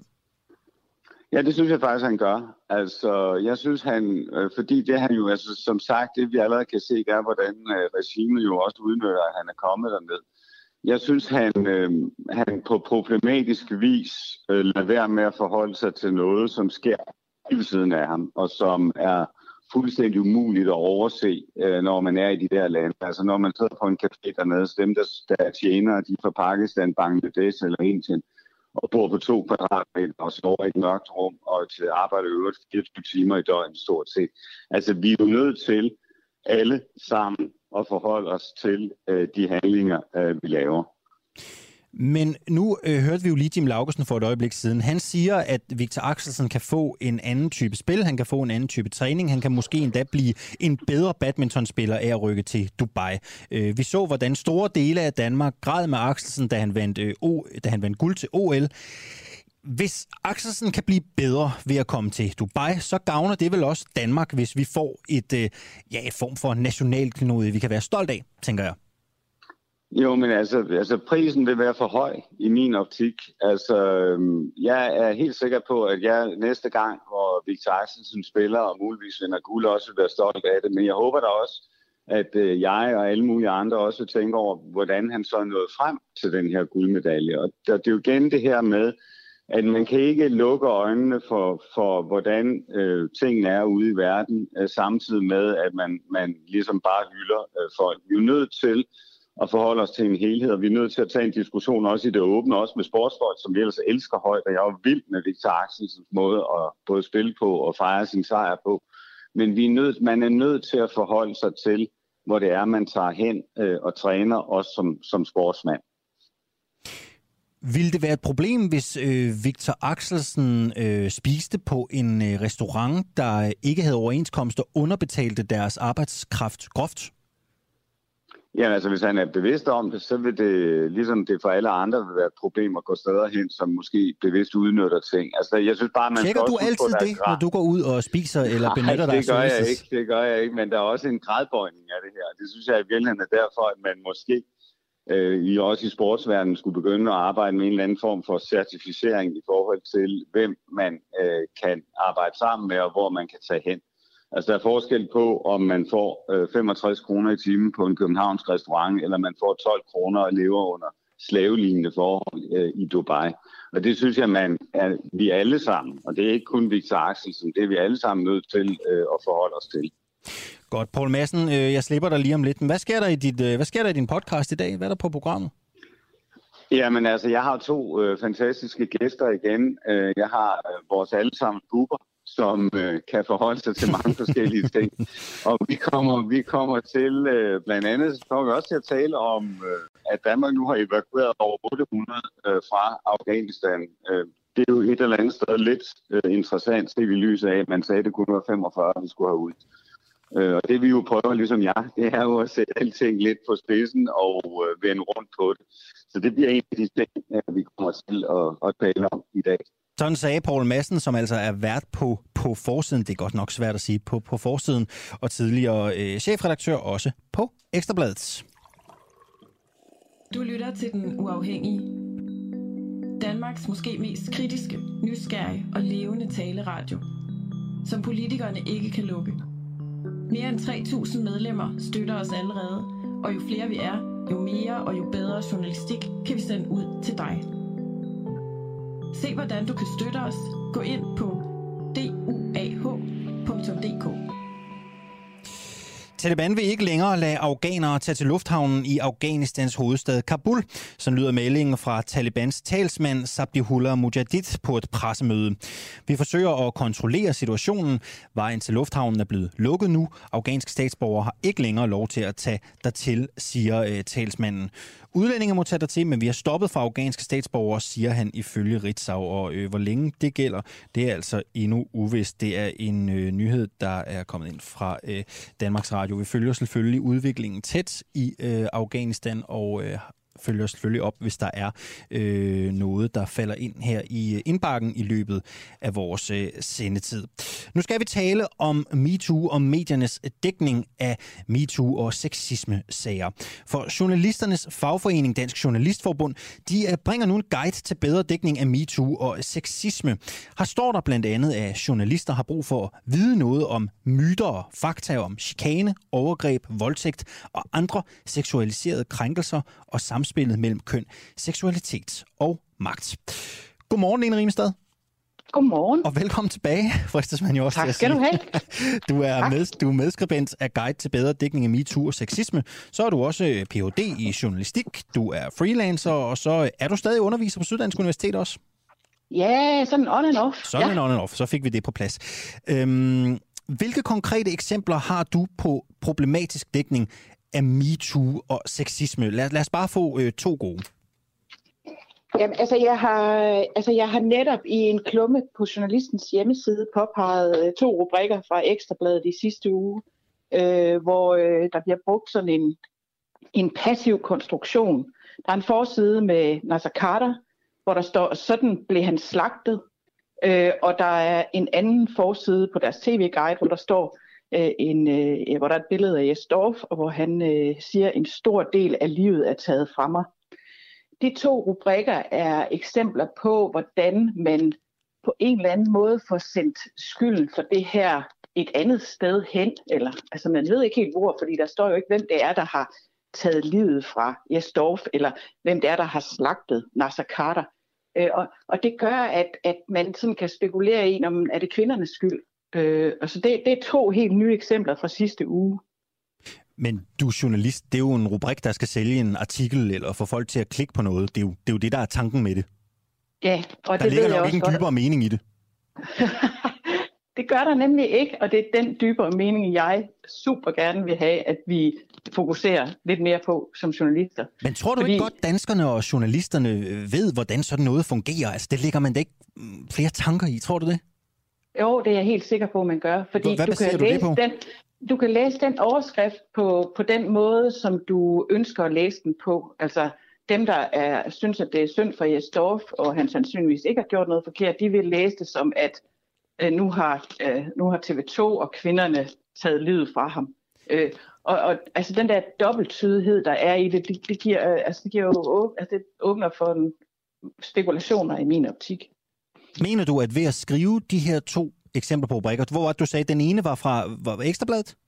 Ja, de er begge to fra De er fra Ekstrabladet. Ekstrabladet. Den ene, ja, Mener du, at Ekstrabladet ved at skrive de her to konkrete rubrikker, gør kvinderne til de skyldige, og Jes Dorf øh, og Nasser Carter til ofre?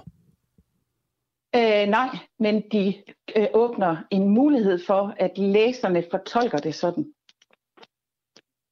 Men, men hvad, hvad er problemet i, at læserne fortolker det? Altså, læserne kan jo fortolke tusind ting.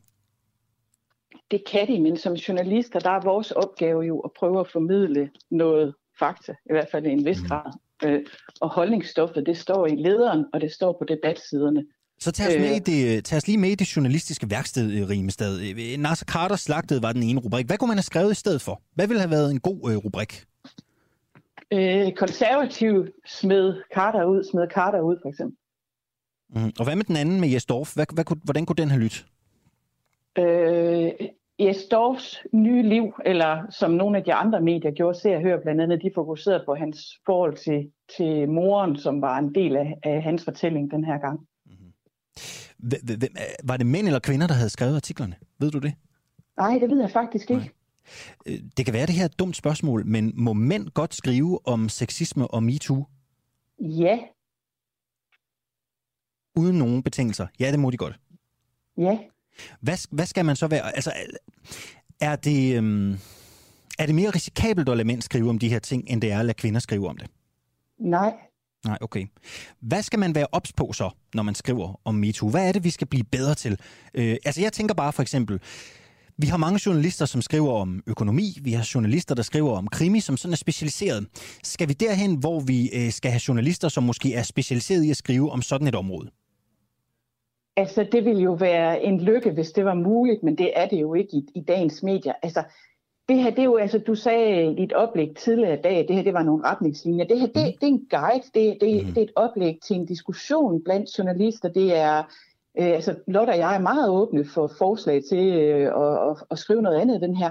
Men altså, noget af den medielogik, som også præger andre sager, det, det, det, det, synes jeg, at det er værd lige at vende næste gang, hvordan er det, vi tænker. Øh, og, og det er især det her med brugen for eksempel enkeltsager, som ikke er repræsentative. Altså det her med, at man for eksempel henter en, en, øh, en, en ung mand, der er blevet smidt ud af DSU, øh, og gør ham til en kæmpe stor historie. Er han repræsentativ for noget som helst i det her? Skal vi hellere skrive historien om, tage en tur i bylivet, øh, snakke med nogle socioassistenter, hvordan det er at gå på arbejde, eller sådan. Altså, der, der, altså, det er ikke repræsentativt, det er ikke nuanceret, det der bliver bragt, fordi det bliver sådan fokuseret på de her enkelte sager. Vi skal diskutere, om hvorvidt nogen har gjort noget.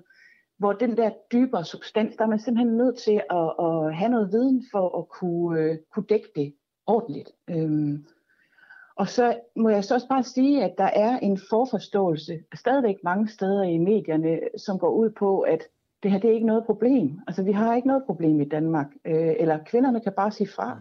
Og, og, og den, altså jeg vil gerne skridte videre og sige, vi har et problem, hvordan løser vi det her i fællesskab, mænd og kvinder sammen. Der, der er, øh, I, I nævner blandt andet den her guide, at der, er nogle, nogle, der kan være nogle svære punkter set fra en journalistisk vinkel. Jeg prøver lige at læse et af dem op. Hvilken journalist kan dække det? Vælger vi en mand? Vælger vi en kvinde til at interviewe? Hvilke bias skal journalisten have, og hvordan vil mediebrugerne reagere på journalisten? Øhm, så der er jo på en eller anden måde, en eller anden, eller der kan i hvert fald være en forskel ifølge jer, ved at lade en mand frem for en kvinde dække en MeToo-sag. Det kan altså, der jeg være. tror jo, ja, det kan der. Altså, øh, hvad hedder det? Ja, men, men jeg tror jo ikke, det er kønsspecifikt på den måde. Altså, nu, det her, det, det kan godt være, at den sætning skal rettes, faktisk. Altså, når du hiver den frem på den måde, du gør. Ja, fordi jeg er blevet mærke i den, ikke? Det ja, tænker man jo. Ja, Ja, men, og det er jo også godt det spørgsmål, du stiller allerførst, fordi TV2 havde jo en kort periode, hvor de ikke ville have, at deres kvindelige journalister dækkede MeToo. Øh, og samtidig så har de jo notoriske fodboldfans til at dække deres egne og modstandernes klubber i, på sportsredaktion. Og jeg har sådan, altså, I må have en linje. Altså, ja, for mig handler det om, at den journalist, der dækker det her, uanset køn, øh, er bevidst om sit eget bias. Altså, hvad er det mine altså næsten ikke erkendte holdninger egentlig er til det her? Øh, og så samtidig selvfølgelig, det vi også skriver i guiden med at beholde kritikken. Øh, altså jeg, jeg tænker måske, den sætning er forkert, altså, fordi jeg tror ikke køn på den måde betyder noget, men det betyder noget. Og det Hvorfor tror jeg, har I så skrevet det i første omgang i guiden? Øh, det kan jeg godt sige dig, hvorfor øh, vi har. Det er fordi øh, noget af det min første klumme, jeg skrev en klumme tilbage i januar, øh, som øh, var, var som var en kritik, og som sådan var optakten til det her. Der, der måtte jeg jo bare konstatere, at i ledelserne de steder, hvor det var meget voldsomt, øh, hvordan øh, MeToo blev dækket eller ikke dækket, der sad mange mænd. Øh, og hvor jeg spørger, jeg spørger i klummen, er, er der overhovedet kvinder repræsenteret i jeres ledelse? Er der overhovedet nogen, der kan tale den her sag fra sådan et kvindesynspunkt? Øh, og på den måde, hvis der er det på en redaktion, så er der jo ikke noget problem, hvis der er en, en god fordeling af mennesker, der, der ligesom kan nuancere det her. Men hvis nu der sidder en ledelse, så, som samlet har sådan en holdning om, altså vi kan ikke se, at der er noget problem, jeg har aldrig nogensinde hørt nogen øh, have oplevet noget, øh, så, så, så er det svært, ikke? Rimstad, hvordan er det blevet, øh, hvordan er det blevet modtaget øh, i, øh, altså har, har I fået nogle tilbagemeldinger på, på den her guide i, øh, i, øh, i, i journalistikken? Altså, jeg har fået ufattelig mange opmuntrende øh, mails og sådan noget på den her. Øh, og også øh, folk, der har delt på sociale medier. Der er flere øh, organisationer, der har skrevet og spurgt, om de må dele den på deres hjemmeside. Så jeg synes, der har været en positiv opbakning. Og man kan sige, at grunden til, at jeg overhovedet skrev det, altså det, øh, og gik i gang med den her guide, det var fordi, jeg skrev den der klumme, og efter den, hvor jeg virkelig hejlede nogle bestemte medieledere ned. Og der, der var der nogen, der sagde til mig, jamen hvorfor skriver I ikke en guide? Og så gik jeg lidt rundt om mig selv og var sådan, det kan jeg ikke, det er for svært, hvorfor skal vi det? Ligesom du spørger nu, hvorfor skal vi overhovedet det? Altså, hvad, hvad får vi ud af det? Og så tænker jeg, nu prøver jeg alligevel ud fra sådan en, ja, et forsøg på at skabe noget debat simpelthen, øh, fordi jeg synes, vi har behov for det. Hvilke medier har været værst til at dække de her MeToo-sager? Hvem er de værste? Altså, jeg synes, øh, og det kan godt være, det er fordi, at jeg bor på Fyn, at øh, jysk-fynske medier øh, har været rigtig dårlige til det. Det er jysk-fynske altså, medier? Provins... Ja. Ja, hvorfor? Øh, jamen, altså, altså, de har jo blandt andet i Aarhus en redaktør, øh, altså, der har været uheldig et par gange med noget, han har sagt, øh, og, og de har... Øh, Hvem er det? De har øh, Jan Skovby. Altså redaktøren på Aarhus Stifttidende? Ja, ja. ja. Øh, og jeg har sagt nogle ting, som viser, at han ikke rigtig har forstået, hvad det her handler om. Øh, og det tror jeg, altså, og det tror jeg præger en del af de andre også, at, at, at øh, altså, de har heller ikke formået at bringe virkelig store dokumenterede historier om problemet, på trods af, at altså, øh, altså, jeg bor på Fyn, jeg har lige snakket med en i Svendborg, som, som fortæller, hvordan øh, socioassistenter skal gå ind to, øh, to mand, eller to, en mand og en kvinde, hos bestemte beboere, øh, for, fordi at der er nogle ældre mænd, der også kan være krænkende. Ikke? Altså, jeg har sådan, altså, hvis jeg kan høre de historier, hvorfor hører I dem ikke? Øh, og hvorfor er det ikke vigtigt for jer? Eller i restaurationsbranchen, når man står i et køkken og kan se på vagtplanen, øh, jeg skal være alene med ham der i aften fra klokken 9 til klokken 11, mens vi pakker køkkenet ned, og hvor man tænker, åh, hvordan kommer jeg igennem den her aften?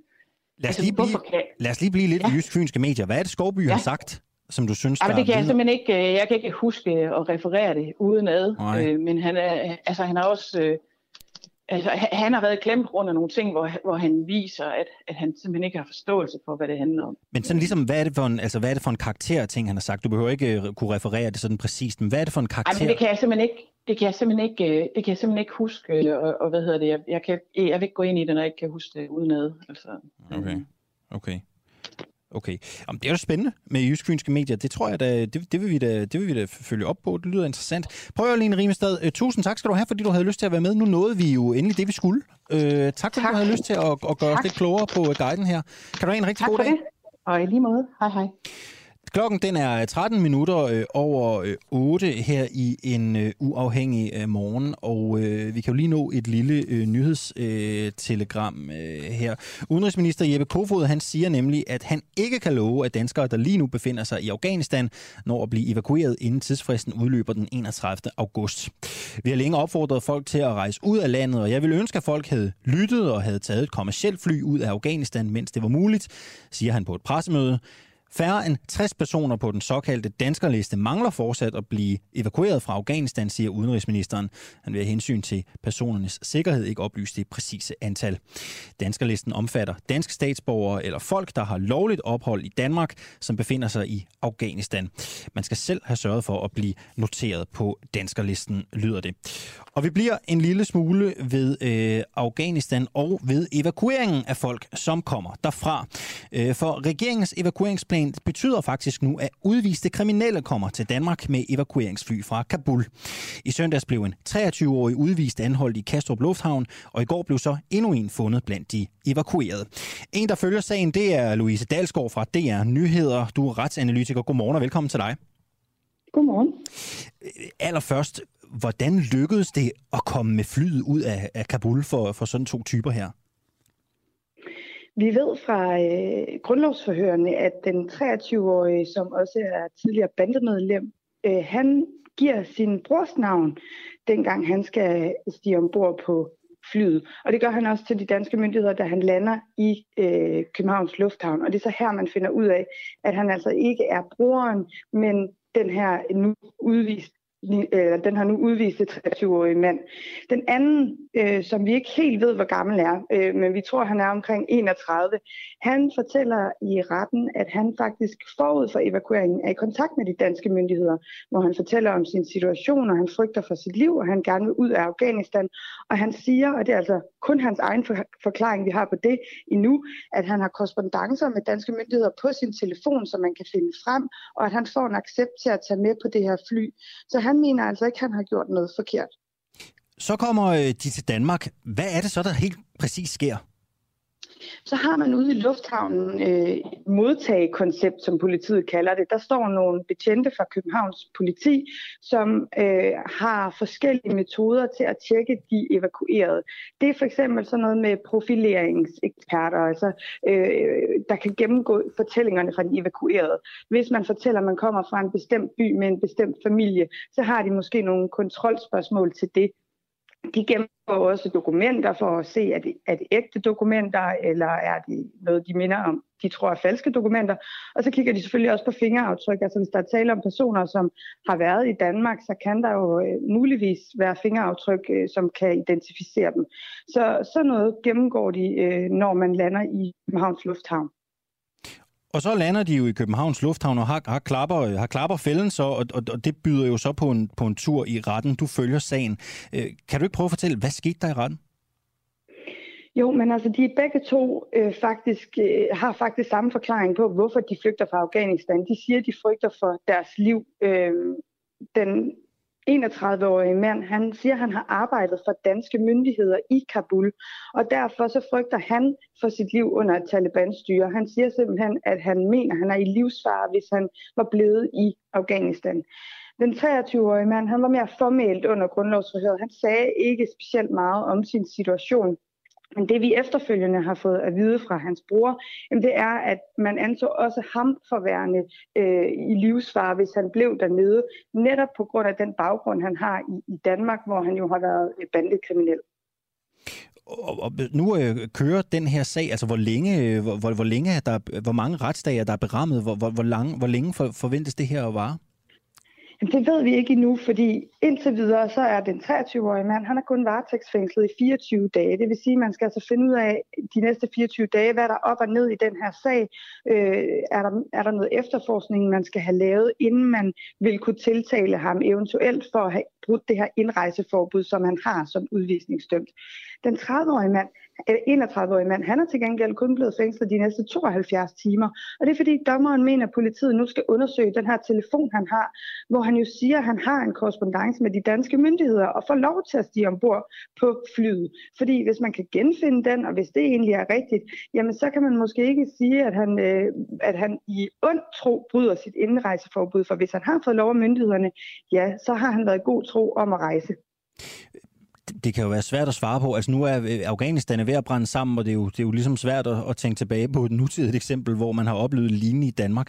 Altså, er der nogen domme tidligere? Er der noget, der ligesom danner præcedens for, hvad der kommer til at ske her? Nej, ikke som jeg kan huske, og jeg har faktisk let og kigget på, at der selvfølgelig har været andre, der er indrejst på falske dokumenter, fordi de er flygtet, og, og nogle af dem har øh, fået at vide, at øh, det anså man ikke for værende okay. Der er også tilfælde, hvor man så har valgt at sige, at øh, det var på en eller anden måde en, en nødret. Og det er jo nok også det, den 31-årige kan forsøge at fortælle retten, altså at det var et nødretstilfælde, at han ikke skal straffes for den her handling, fordi han gjorde det, fordi han mente, at hans liv var i fare. Og der er en paragraf i vores straffelov i Danmark, der siger, at hvis man var i overhængende livsfare, det kan bevises, så kan man faktisk blive straffri, fordi man handlede efter nødret. Ved vi noget om, Dalsgaard, fra politiet eller andre, der måtte vide noget om, om, om, de, her, øh, om, om de her situationer? Er der noget lignende på vej? Altså kan vi risikere, at der er flere, der, der, der kommer op? Har man, har man talt om det? Ja, vi har spurgt Udenrigsministeriet også, hvad de øh, siger, nemlig i Kabul, og hvad de gør for at forhindre, at der kommer nogen ombord, som vi altså ikke vil have her til landet.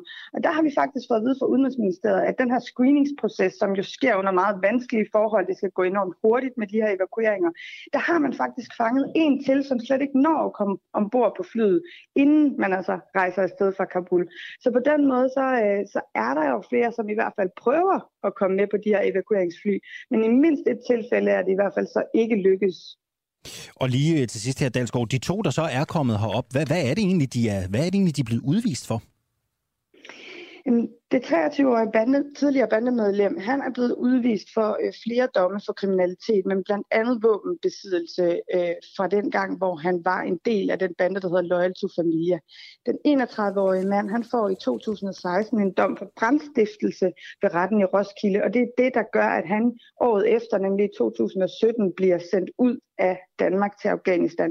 Det skal også siges, hvor den 23-årige, han er faktisk øh, opvokset her i landet, ja, så har den 31-årige ikke videre tilknytning til Danmark. Altså han har ikke været i Danmark i mange år. Så lød det altså fra øh, Louise Dalsgaard, som er retsanalytiker ved DR og som følger sagen. Vi har talt en del om øh, sygeplejerskernes strække. Det har vi ikke bare gjort i dag, men det har vi jo gjort generelt her på den, øh, her på den uafhængige. Og i dag, der sker der altså nyt, som jeg også øh, nævnte i starten af programmet her øh, klokken 7. For i dag, der rammer øh, sygeplejerskernes strække landets fertilitetsafdelinger. Og det betyder altså, at udsigten til at få hjælp med at få børn i det offentlige øh, bliver sat på hold på øh, ubestemt øh, tid. Det er en ulykkelig situation for mennesker, som har forsøgt at få børn i lang tid, siger Anders Kynav, som jo er forhandlingsleder for hospitalernes arbejdsgiver for danske øh, regioner. Og når sygeplejerskerne har valgt, at behandlingen mod barnløshed øh, skal øh, trækkes ind i strækken, så er det netop for, at det skal kunne mærkes. Vi forsøgte at finde et område, hvor det rammer hårdt, men vi vil også ramme nogen, som forhåbentlig vil råbe lidt op, siger Grete Christensen, altså der er formand for Dansk Sygeplejeråd. I alt er øh, yderligere 215 sygeplejersker gået i strække i nat, og de tilslutter sig altså flere end 5.000 sygeplejersker, der allerede strækker, og på nuværende tidspunkt så er det altså øh, over 5.900 sygeplejersker, som er i øh, øh, strække. Helt sikkert ikke det sidste, der er blevet sagt i øh, den her sag. Øh, som jeg også sagde til kommunikationschefen i Dansk Sygeplejeråd, Morten Jacobsen, som var med tidligere, så vil vi jo her på Den Uafhængige rigtig gerne tale med øh, Grete Christensen og med nogen i, øh, i ledelsen i Dansk Sygeplejeråd om, hvordan i alverden det her skal ende? Altså, hvad er planen? Hvor længe kan man blive ved? De siger jo, at de ikke vil afsløre deres strategi, men vi bliver ved her på, øh, på den uafhængige, fordi på et eller andet tidspunkt, så må strækkekassen jo ligesom være øh, tom. Det er i hvert fald ikke det sidste, I har hørt til den sag her øh, hos os. Er vores terrorlovgivning egentlig effektiv? Det er øh, spørgsmålet øh, nu. Tommy Mørk, han rejste til Syrien og kæmpede med kurderne mod islamisk stat. Tommy Mørk, han er en 100% dansk mand. Da han kom hjem, så blev han dømt efter den danske terrorlovgivning og sendt i fængsel. Nu advarer han mod en øh, terrorlovgivning, der rammer skævt, og som nogle steder slet ikke er effektiv. Godmorgen, øh, Tommy Mørk. Godmorgen. Du er som sagt øh, terrordømt for at kæmpe mod øh, kurderne, kæmpe med kurderne, undskyld, mod islamisk ja. stat i, i, i Syrien. Øhm, prøv at høre, Tommy, jeg, jeg tænker egentlig bare, at jeg vil lade dig fortælle din historie. Kan, kan, du, ikke lige, kan du ikke lige starte med at fortælle, hvad, hvad, hvad, hvad, er det egentlig, hvad er det egentlig, der er sket? Ja, det er en meget lang historie, men øh, jeg prøver at gøre det kort. Øh, jeg tog tilbage i øh, 2016, tog jeg til øh, det nordlige Syrien, for sammen med kurderne at prøve at forsvare øh, området og befolkningen mod IS, som, som jo var, altså havde været på vej derop, men man mm, øh, presset tilbage igen og, og, og troede ja, regionen deroppe øh, i det nordlige Syrien. Og der var jeg så i et halvt år sammen med, øh, med den lokale milits, eller militsen i området, til ja, foråret 17, hvor jeg kom hjem. Du er jo en helt almindelig øh, dansk mand, så vidt jeg kan forstå. Hvorfor valgte du at tage afsted? Jeg tror ikke, man er helt almindelig, hvis man gør sådan noget, men øh, jeg tog afsted, fordi jeg så, øh, hvordan, altså især det startede i 2015, hvor vi så det store flygtningestrøm øh, komme til Danmark, og det er derfor alvor gik op for mig, hvad der egentlig foregik i øh, Syrien, hvor IS jo øh, ja, bredte sig og indtog kæmpe områder. Og øh, ja, der jo kigget mere på undersøgt det mere og brugt ja, en lille, lille års tid på at undersøge, hvad der, hvad der foregik så endte jeg med mig for, at jeg skulle hjælpe på en eller anden måde. Øhm, og jeg kom frem til den konklusion, at selve problemet, roden til problemet, var jo i Syrien. Og så måtte løsningen næsten også være der. Øhm, ja, så jeg tog afsted for at hjælpe på en eller anden måde. Det var faktisk ikke meningen, at jeg skulle med, med militsen. Jeg havde ingen kontakt til militsen på det tidspunkt. Men jeg ville hjælpe på en eller anden måde. Øhm, du tager afsted, hvor, altså hvordan fungerer det praktisk? Du tager afsted, du kommer i kontakt med nogen. Hvad, hvad er det, du gør? Jamen altså, i, det vidste, dengang vidste jeg det faktisk ikke. Jeg vidste man ikke rigtigt, hvad man skulle gøre, for det var så, så, så nyt usædvanligt at, at gøre det. Og jeg kendte jo ikke nogen, jeg har ikke nogen kontakter til kurder herhjemme, eller nogen andre, som har været afsted, så jeg startede sådan helt fra scratch. Øh, så jeg tog, altså det var meget svært at komme ind i Syrien. Det kan man ikke bare. Øh, så jeg endte med af frustration at bare tage til Irak i første omgang. Så tænkte jeg, så jeg tættere på, så må det være muligt at komme derfra. End der var en lidt naiv tanke. Øh, så brugte jeg lidt over en måneds tid i Irak først, øh, og det er meget nemt, der tager man bare flyet ned. Ja. Og så kom jeg i kontakt med, gennem nogen fik jeg kontakt til militsen, og så og hvordan sker det? kontaktede dem. Jamen, det, det var et projekt i, i det nordlige Syrien, et, øh, et drivhusprojekt, som jeg, altså fødevareproduktionsprojekt, som jeg gerne ville hjælpe og støtte øh, for at få deres fødevareproduktion op at køre igen. Øhm, og dem havde jeg i kontakt med, og de endte med at sige, at nu er grænsen lukket, og man kan komme ind, og det er umuligt, men du kan gennem militsen. Og så fik jeg en e-mailadresse derfra, og så kontaktede jeg dem, og så lidt frem og tilbage, og ja, så sagde det fint, du, vi vil gerne have, at du kommer og hjælper. Og det men så, så, ja, men så, så forventede jeg også lidt, at man hjælper, hjælper militsen, fordi de bruger jo ressourcer, og, og der er også risici jo ved at, ved at uh, hjælpe øh, vestlændinge ind over grænsen, så de vil ikke have, at man bare kommer og, og som siger, skal, skal hygge sig der, eller, eller andet. Så, så de, de ser også gerne, at man hjælper dem. Så, øh, altså det er ikke et krav, men det ser de gerne. Mm. Så det gør jeg så. Så kommer du hjem til Danmark, og, og, ja. og du øh, bliver jo selvfølgelig øh, du, du, du bliver fængslet. Hvad, hvad, hvad, er det, der, hvad er det, der sker der, da du kommer hjem? Øhm, jamen altså, det, det jeg fandt ud af, der var, jeg tænkte jo nok, inden jeg tog afsted, det er nok lidt den gråzone, det her juridisk. Øh, men jeg har ikke tænkt mig at undersøge det nærmere, fordi det skulle ikke påvirke min beslutning. Øh, så, men da jeg så var dernede og havde kontakt til nogle øh, journalister herhjemmefra, og en ung kvinde, der hedder Joanna Palani, som, som jeg havde mødt lige kort, og som, som er en dansk kurder, som har været dernede, fandt jeg så ud af, at der var faktisk en lov, som sagde, at man må ikke være i visse områder dernede. Øh, og det vil jeg understrege, at det at tage ned og være en del af militsen er ikke ulovligt. Øh, men man, da jeg var så dernede, der, der var en ny lov, som faktisk trådte i kraft næsten det øjeblik, jeg trådte ind i landet. Øh, ny dansk lov, som forbød danske statsborger at, at være i visse områder, både i Irak og i uh, Syrien. Og det havde jeg så været åbenbart undervejs. Og så blev jeg så, ja, jeg blev ikke fængslet, da jeg kom hjem, men jeg blev, de var ligesom prøvet at finde mig, øh, og jeg endte med at tale med en lokal øh, politimand i Aarhus, og blev så sigtet for at have brugt den her øh, ja, zonelov, at være i, øh, stå på stykke jord, jeg ikke må stå på. Ja, og du øh, blev jo først øh, dømt i byretten, det gjorde du i juni 2018. Den dom den blev stadfæstet mm. i landsretten i november 2018, og så blev den stadfæstet allerøverst i højesteret i august 19, ja. og du var idømt seks måneders fængsel i Nørre Snede fængsels lukkede ja. afdeling. Øh, du er dømt efter terrorlovgivningen. Øh, Kan du give nogle eksempler på, fordi det mener du jo, at den danske terrorlovgivning ikke er velfungerende. Kan du, kan du give nogle eksempler på, hvorfor den ikke er det? Jamen altså for det første, så er den jo lavet, og det står i alt forarbejdet til den her lovgivning, står der jo, at den er blevet lavet for at forhindre folk til at, at ned og, og tilslutte sig IS eller andre islamistiske radikale, altså vores fjender. Øhm, det står jo i alt forarbejdet til, øh, til, øh, til loven. Øhm, og den her lov, jeg er dømt efter, indtil videre er vi kun to, der er dømt efter den her lov. Og den, den, blev, den, den blev lavet i 2016, trådte i kraft. For fem år siden. I to mennesker, og, og det eneste to, der er dømt for den her lov, det er to, der tilslutter sig YPG, altså en kurdiske milits, som er danske allierede. Altså vi har, vi har været allieret med YPG øh, og hjulpet dem med at forsvare sig mod IS, sammen med amerikanerne. Og, og der er ikke nogen, altså der er ikke nogen, der var meningen skulle ramme, som den har ramt. Øh, og det viser jo, at der, der i bedste fald er som sige, overflødig og, og ikke virksom, fordi den har ikke fanget nogen øh, af det, man skulle. Øh, og i værste fald er den jo øh, altså skadelig for samfundet, fordi den, den så rammer andre, som man ikke var meningen, at skulle ramme. Og så er der mange, der nok mener alligevel, at det, jeg har gjort, skulle også ramme sig som jo, men det var ikke meningen med loven. Det var ikke derfor, man lavede den. Øhm, så derfor tænker jeg, at man, man, man fritager, at man tager, os, tager en frihed fra os, øh, nogle rettigheder, til at vi som danske statsborger kan rejse, hvad vi har lyst til, uden nogen effekt. Øhm, og det, det er sådan noget mm, hovsalovgivning, som regeringen tit laver, hvor de siger, nu skal vi ligesom vise befolkningen, at vi er hårde mod terror, og vi bliver lave nogle lovgivning, som viser, at vi, vi mener det, og som de så reelt har en effekt eller ikke, det tror jeg ikke altid, det er første prioriteten for politikerne. Det er, det er vigtigere, hvordan det ser ud, end hvordan det egentlig er i virkeligheden. Oplevede du i fængslet i Nørre Snede, at der også var nogle punkter, hvor terrorlovgivningen haltede?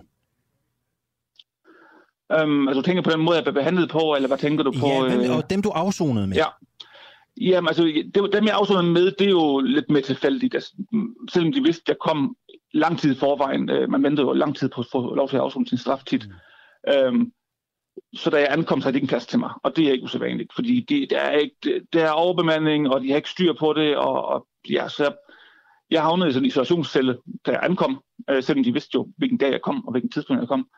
Øh, men heldigvis fik jeg hurtigt, øh, samme dag nu, fik jeg en, øh, var der en åbning i en afdeling, hvor jeg kunne komme ind. Og det var sådan lukket en, en, en begrænset fællesskabsafdeling. Det vil sige, oven i den lukkede fængsel, så er det så oven en begrænset fællesskab i den lukkede afdeling.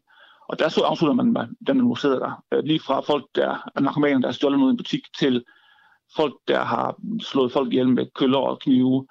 Og jeg kom så til at sidde, sjovt nok, øh, mellem to, min celle lå mellem to øh, og den ene har man så dømt for at have fremstillet og detoneret sprængstof i Danmark. Øh, fuldstændig, altså han har ikke fået nogen, det var ikke, det var ikke terrorloven, fordi han var, han synes bare, at det var et spændende hobby at have, øh, både på landet og detoneret på mark. Han har aldrig tænkt sig at gøre noget som helst med det. Ganske almindelig dansk ung mand. Øh, og den anden var så en, der var øh, efter sigende dømt for at have smuglet våben. Øh, så det var sådan lidt, lidt pussy, at de var så meget efter mig med lovgivning og, og alt muligt andet, men så placerede de mig mellem sådan to i, i fængslet.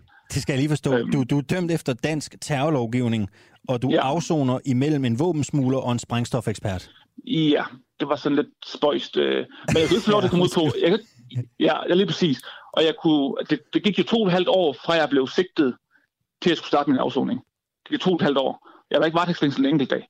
Jeg har været frifået hele vejen igennem i to og et halvt år. Men da så snart jeg blev skulle ind og afzone, så kunne jeg komme ud på udgang. Så jeg kunne komme ud og besøge min familie en, en weekend øh, en gang imellem. Øh, fordi de mente, de var for, ja, lad, for farligt eller for usikkert eller, eller, eller noget. Jeg kunne, komme, jeg kunne blive overført til åbent fængsel, og jeg kunne ikke blive prøveløsladt.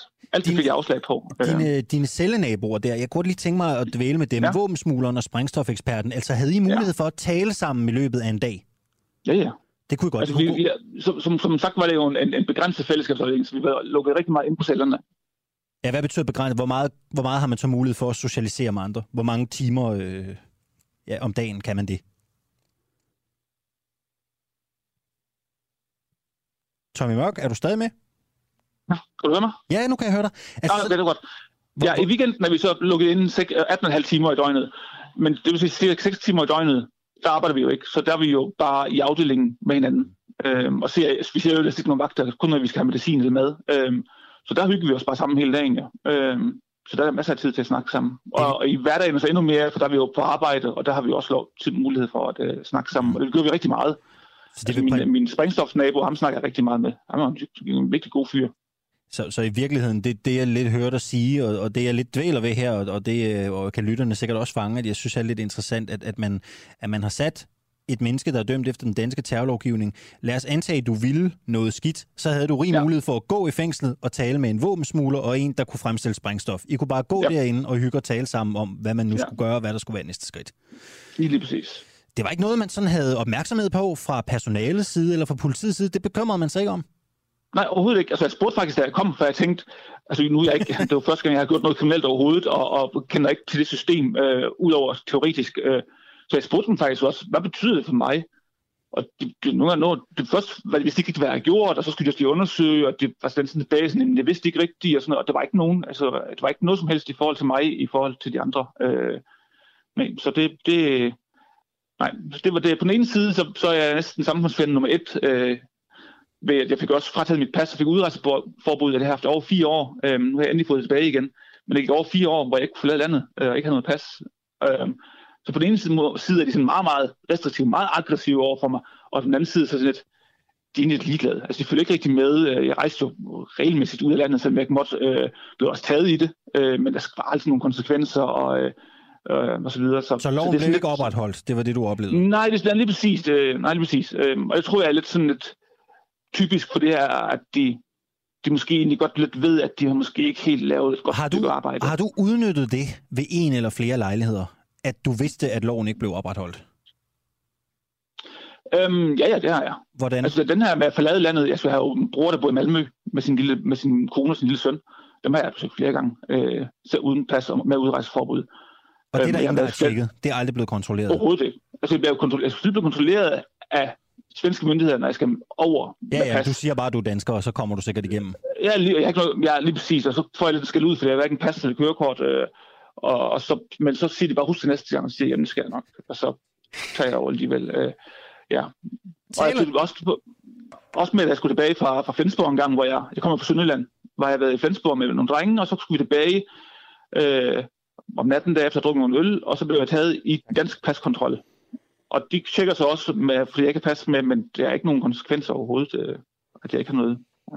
Taler du stadig med våbensmugleren og sprængstofeksperten? Altså sprængstofeksperten, jeg vil ikke kalde ham det, men det er han jo nok på en måde, i hvert fald mere end de andre. ja. øh, men øh, jo, ham har jeg kontakt med, øh, efter, efter vi blev løsladt begge to. Okay. Vi blev også løsladt næsten på samme tid. Øh, altså ikke fast kontakt, vi bor jo ikke tæt på hinanden, men, men sådan løst, jo. Hvordan ser dit liv ud i dag, efter alt det her? Og, altså, jeg flyttede tilbage til Sønderland, hvor jeg kommer fra, så der sker ikke så meget. Øh, men så er jeg i sådan noget afklarende praktik, og ja, og holde, lave profil. Jeg har også nogle sundhedsmæssige udfordringer, så alt, alt er lav profil. Øh. Men laver stadigvæk noget, noget juridisk aktivisme. Altså, jeg har jo prøvet at få det, med, det, at jeg har rejst ud i landet ulovligt, det prøver jeg så, det har jeg så prøvet at få øh, myndighederne til at reagere på, og det har jeg så gjort ved at sigte mig nu, og jeg skal i retten i april, og de, de går efter fængselsstraf. Så, så den, den del kører stadigvæk meget langsomt på lav plus, øh, da de er ikke så travlt derinde. Øh. Tommy Mørk, øh, ja. tusind tak skal du have, fordi du havde lyst til at øh, fortælle din øh, historie her i en øh, uafhængig øh, morgen. Du lytter lige nu til en uafhængig morgen. Kritisk, nysgerrig og levende radio, som politikerne ikke kan lukke. Vi sender live alle hverdage fra klokken 7 til 9. Lyt med via vores app på DK4 DAB, fra vores Facebook-side, eller hvis du bor i hovedstadsområdet, på FM-båndet 102,9. Tak til dig, som gør det muligt. Ja, vi taler altså med Tommy Mørk, som er terrordømt for at kæmpe med kurderne mod islamisk stat i Syrien. Øh, det her var jo en vild øh, historie, han havde at fortælle her, blandt andet om, hvordan man som terrordømt kan afzone sammen med en våbensmugler og en sprængstofekspert, og altså har fri mulighed for at tale med hinanden, og hvordan man ligesom kan rejse øh, på tværs af landegrænser uden øh, konsekvenser. Øh, interessant beretning om, hvordan terrorlovgivningen fordømmer fungerer. Man fristes jo til at sige, øh, en våbensmugler, en terrordømt og en sprængstofekspert kom ind på et værtshus, og så kan man jo ligesom øh, tage den øh, derfra. Nu har vi fået gæster her i studiet. Det kan I måske også høre på grinet bag mig. Det er jo intet mindre end en vaskægte legende. Det kan jeg vel godt sige, Knud Melgaard. Godmorgen og velkommen. Tak skal du have. Du er journalist. Du er vel også ansvarshavende redaktør på Trans-Europa-magasinet. Har, Ja, det, det er korrekt, og jeg skal lige starte med at korrigere dig. Jeg er ikke journalist, fordi så vil, så vil Jan Stage, berømte krigsreporter for politikken, så vil han råbe op for sin himmel. Knud har aldrig været journalist. Han er bare en skide redaktør. så, øh, men ellers er det korrekt. Jeg, jeg kigger lige ud i regien. Er Knuds mikrofon tæt nok på øh, alt er godt? Super. Knud, der er jo en grund til, at vi har øh, inviteret dig. Øh, selvfølgelig, fordi du jo øh, har opnået øh, kultstatus. Derfor er det altid interessant at tale med et spændende menneske. Men vi har også interviewet dig, fordi at du i et interview med Euroman fortæller, at du har to fingerringe. Du har også øh, to fingerringe på her. Øh, og en af dem, dem har du byttet dig til på en bar i Paris. Men de nærmere omstændigheder omkring byttet, det mente du var for kulørt til Euromans øh, unge, ubefæstede sjæle. Men der var adskillige transvestitter involveret, har du sagt. Øh, vi er jo øh, lidt mere gamle i går her på Den Uafhængige, og vi er lidt mere øh, bramfri, så vi mener jo godt, at vi kan tåle den historie. Vi har faktisk talt meget om det her på redaktionen, og det er derfor, du skal, øh, det er derfor, du skal være gæst, øh, øh Knud. Må vi ikke godt høre den anekdote med den ring? Jo, hvis, øh, jo det vil jeg meget gerne, med, øh, men øh, Peter har jo lovet mig, og det må du også love mig, at vi følger op med lidt lidt øh, mere seriøst stof til, øh, til, til sidst. Jeg tænker, vi skal tale om øh, statsministeriets øh, coronapressemøde blandt andet. Ja. Fint. Men altså, øh, historien om, om, øh, om øh, Paris er, er, er, er egentlig på mange måder ganske banal, eller var det i hvert fald på det tidspunkt, vi er tilbage i, i 70'erne. Og øh, jeg har været til, øh, jeg skulle ned, og interviewe den meksikanske ambassadør, i, som var ambassadør for alt, hvad der havde med markedsføring at gøre i, øh, i Europa. Og ham øh, interviewede jeg, og han var ved at falde i søvn flere gange, kan jeg huske. Det er jo meget normalt for, for øh, mexikanere åbenbart. Men han nåede i hvert fald at invitere mig til et stort modeshow om aftenen på øh, Hilton eller Sheraton, et af de der kæmpe store hoteller i, øh, i, øh, i Paris. Og øh, der skulle man jo have fat i den unge redaktør. Der var nogle ældre mennesker, som var helt oppe i 40'erne og 50'erne, som fik drukket mig rigtig godt og, og, og, og grundigt fuld. Og på vejen hjem går jeg, går jeg forkert. Jeg boede i en sidegade til Champs-Élysées, og så ser jeg et frelsende lys frem for mig. Et skilt, hvor der står Algerbar. Og så tænkte jeg, det er fint, jeg har aldrig været i Algier, og jeg er i øvrigt også stadigvæk tørstig. Og så derfor jeg jo ind, der er lidt skummel belysning allerede der, hvor jeg har været mere alert, end jeg, end jeg, jeg var. Og der sidder to almindelige, flotte damer øh, med ryggen til op i baren, og der står en herre bag ved baren. Og jeg går så op til baren, og, og inden der er gået et par... Jeg byder selvfølgelig de damer på, på, på en drink, hvad de tager imod. Det var en billig en. Og, og øh, pludselig ser jeg, at... Øh, ham, der står bag baren, det viser sig at være ejeren, at han har en ring på, der er nøjagtig med til min. Det her, det er en, øh, en guldring, hvor der ovenpå sidder en meksikansk, det har ikke noget med det her at gøre, mm, mm. gøre en meksikansk også. Sådan en har han også på. Og, og øh, vi finder så ud af, at han så for stor, og min er for lille, og så bytter vi. Og så er vi alle sammen glade, og vi får skyllet noget fadøl ned, og pludselig skal jeg ud og aflevere noget af det der fadøl. Og jeg står ude på... på øh, der var et pissoir, det er ret usædvanligt på den tid i Paris. Der plejede at være et hul i gulvet. Og jeg øh, er, er i gang med det hele, og så står det en af de der øh, damer pludselig ved siden af mig. Og jeg er lidt af en æstetiker. Det der med sex på toilet, det, det synes jeg sgu ikke rigtig var morsomt, selvom hun havde siddet og bidt mig lidt i øret. Og jeg tror også nok, det, du må love ikke at sige det til nogen. Det bliver mellem dig og mig. Det, bliver mellem dig og mig. Jeg tror sgu også, jeg kom til at give hende et tungekys, ikke? Det bliver værre og værre, ikke? Og så står hun ved siden af mig, og så hun har en lang selskabskjole på, og så river hun den der selskabskjole op øh, over det hele, og så lægger hun sådan en halv meter ala konto ud. og så, jeg var skulle lige ved at blive ædru, ikke? Og så tænkte jeg, det her, det, det går ikke. Og så røg jeg ind, og de var ved at dø af grin inde i baren. Og så, så kan du gøre en ting. Du gør to ting. Du kan blive skidesur og gå, øh, eller også så kan du deltage i festlighederne. Der blev ikke mere kysseri, det skal jeg sige, men der Nej. blev en hel masse fadøl. Så sådan, det, det, var, det var det. Og du følte dig ikke fristet til at drikke direkte fra hanen, kan jeg næsten regne Nej, nej. nej. nej. nej, nej, på ingen måde. På ingen måde. Knud Melgaard, øh, du, jeg skal også sige, grund til, at du optræder i Euroman, er jo også fordi, at du er blevet kåret som en af Danmarks øh, bedst øh, øh, bedst klædte øh, mænd øh, i år. Øh, Knud, det hele starter jo i virkeligheden med din, altså med din journalistik. Det er jo det, du, det er jo det, det, er det, du bliver bemærket. Du bliver bemærket, øh, du bliver bemærket på de her pressemøder i statsministeriet, hvor du troligt øh, tropper op og stiller spørgsmål. Hvordan har du det med, at, at, din, at din person, og din karakter og din træk øh, måske er blevet det, man taler om, øh, frem for den journalistik, som, som, som, som du måske kom for at, at få svar på i presmøden? Jamen altså, den korte historie er jo, at, at man lægger altid mærke til den grimme ælling, eller prinsen på den hvide hest, ham eller hende, der, der, der skiller sig ud på den ene eller den anden måde. Og jeg er, er jo øh, blevet øh, 75 i år, og jeg er opvokset i den socialdemokratiske presse, hvor vi lærte at klæde os ordentligt. Jeg skulle ud og, og, og, og løfte det store erhvervsliv for penge, og når man skulle ud og hente penge hos det store erhvervsliv, så skulle man være klædt på ligesom dem. Så jeg har haft den tidligere kulturminister, Niels Mathiasen, ham kan du ikke huske, det var lang tid før mm. din tid. Han var øh, kulturminister, bøsse, og blev senere øh, og har været øh, partiets øh, partisekretær også. Han lærte mig noget om påklædning, og så er der, som jeg også øh, har fremhævet i et, øh, i et interview, som kommer her. Øh, det skal jeg lige gøre lidt reklame for. Mette Fugl, hvis der er nogen, der kan huske hende. Tidligere Bruxelles-korrespondent for DR. Ja, hun har lavet et øh, interview med mig, der kommer i ældremagasinet øh, her øh, i oktober måned. Og, og hvad hedder det? Vi har, vi har jo talt om, om, om det der med, øh, hvorfor, hvorfor man er, er, er klædt, som man er.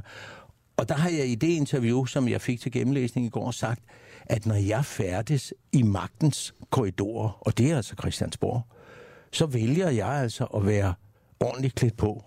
Er journaliststanden for sløset i dag? Tager de det for, øh, tager de det for letsindigt, når man møder op og skal interviewe ministre til pressemøder? Ja, det har du fuldstændig ret i. Ikke med hensyn til påklædning, men med hensyn til den journalistiske baggrund. Det vil jeg gerne høre noget om. Og, og med hensyn til, at, at, de ikke er, at de ikke er ordentligt, at de ikke er ordentligt øh, pålæste. Altså, jeg møder jo ikke op uden at have i hvert fald to. Vi får ikke lov til at stille øh, flere mm. øh, spørgsmål.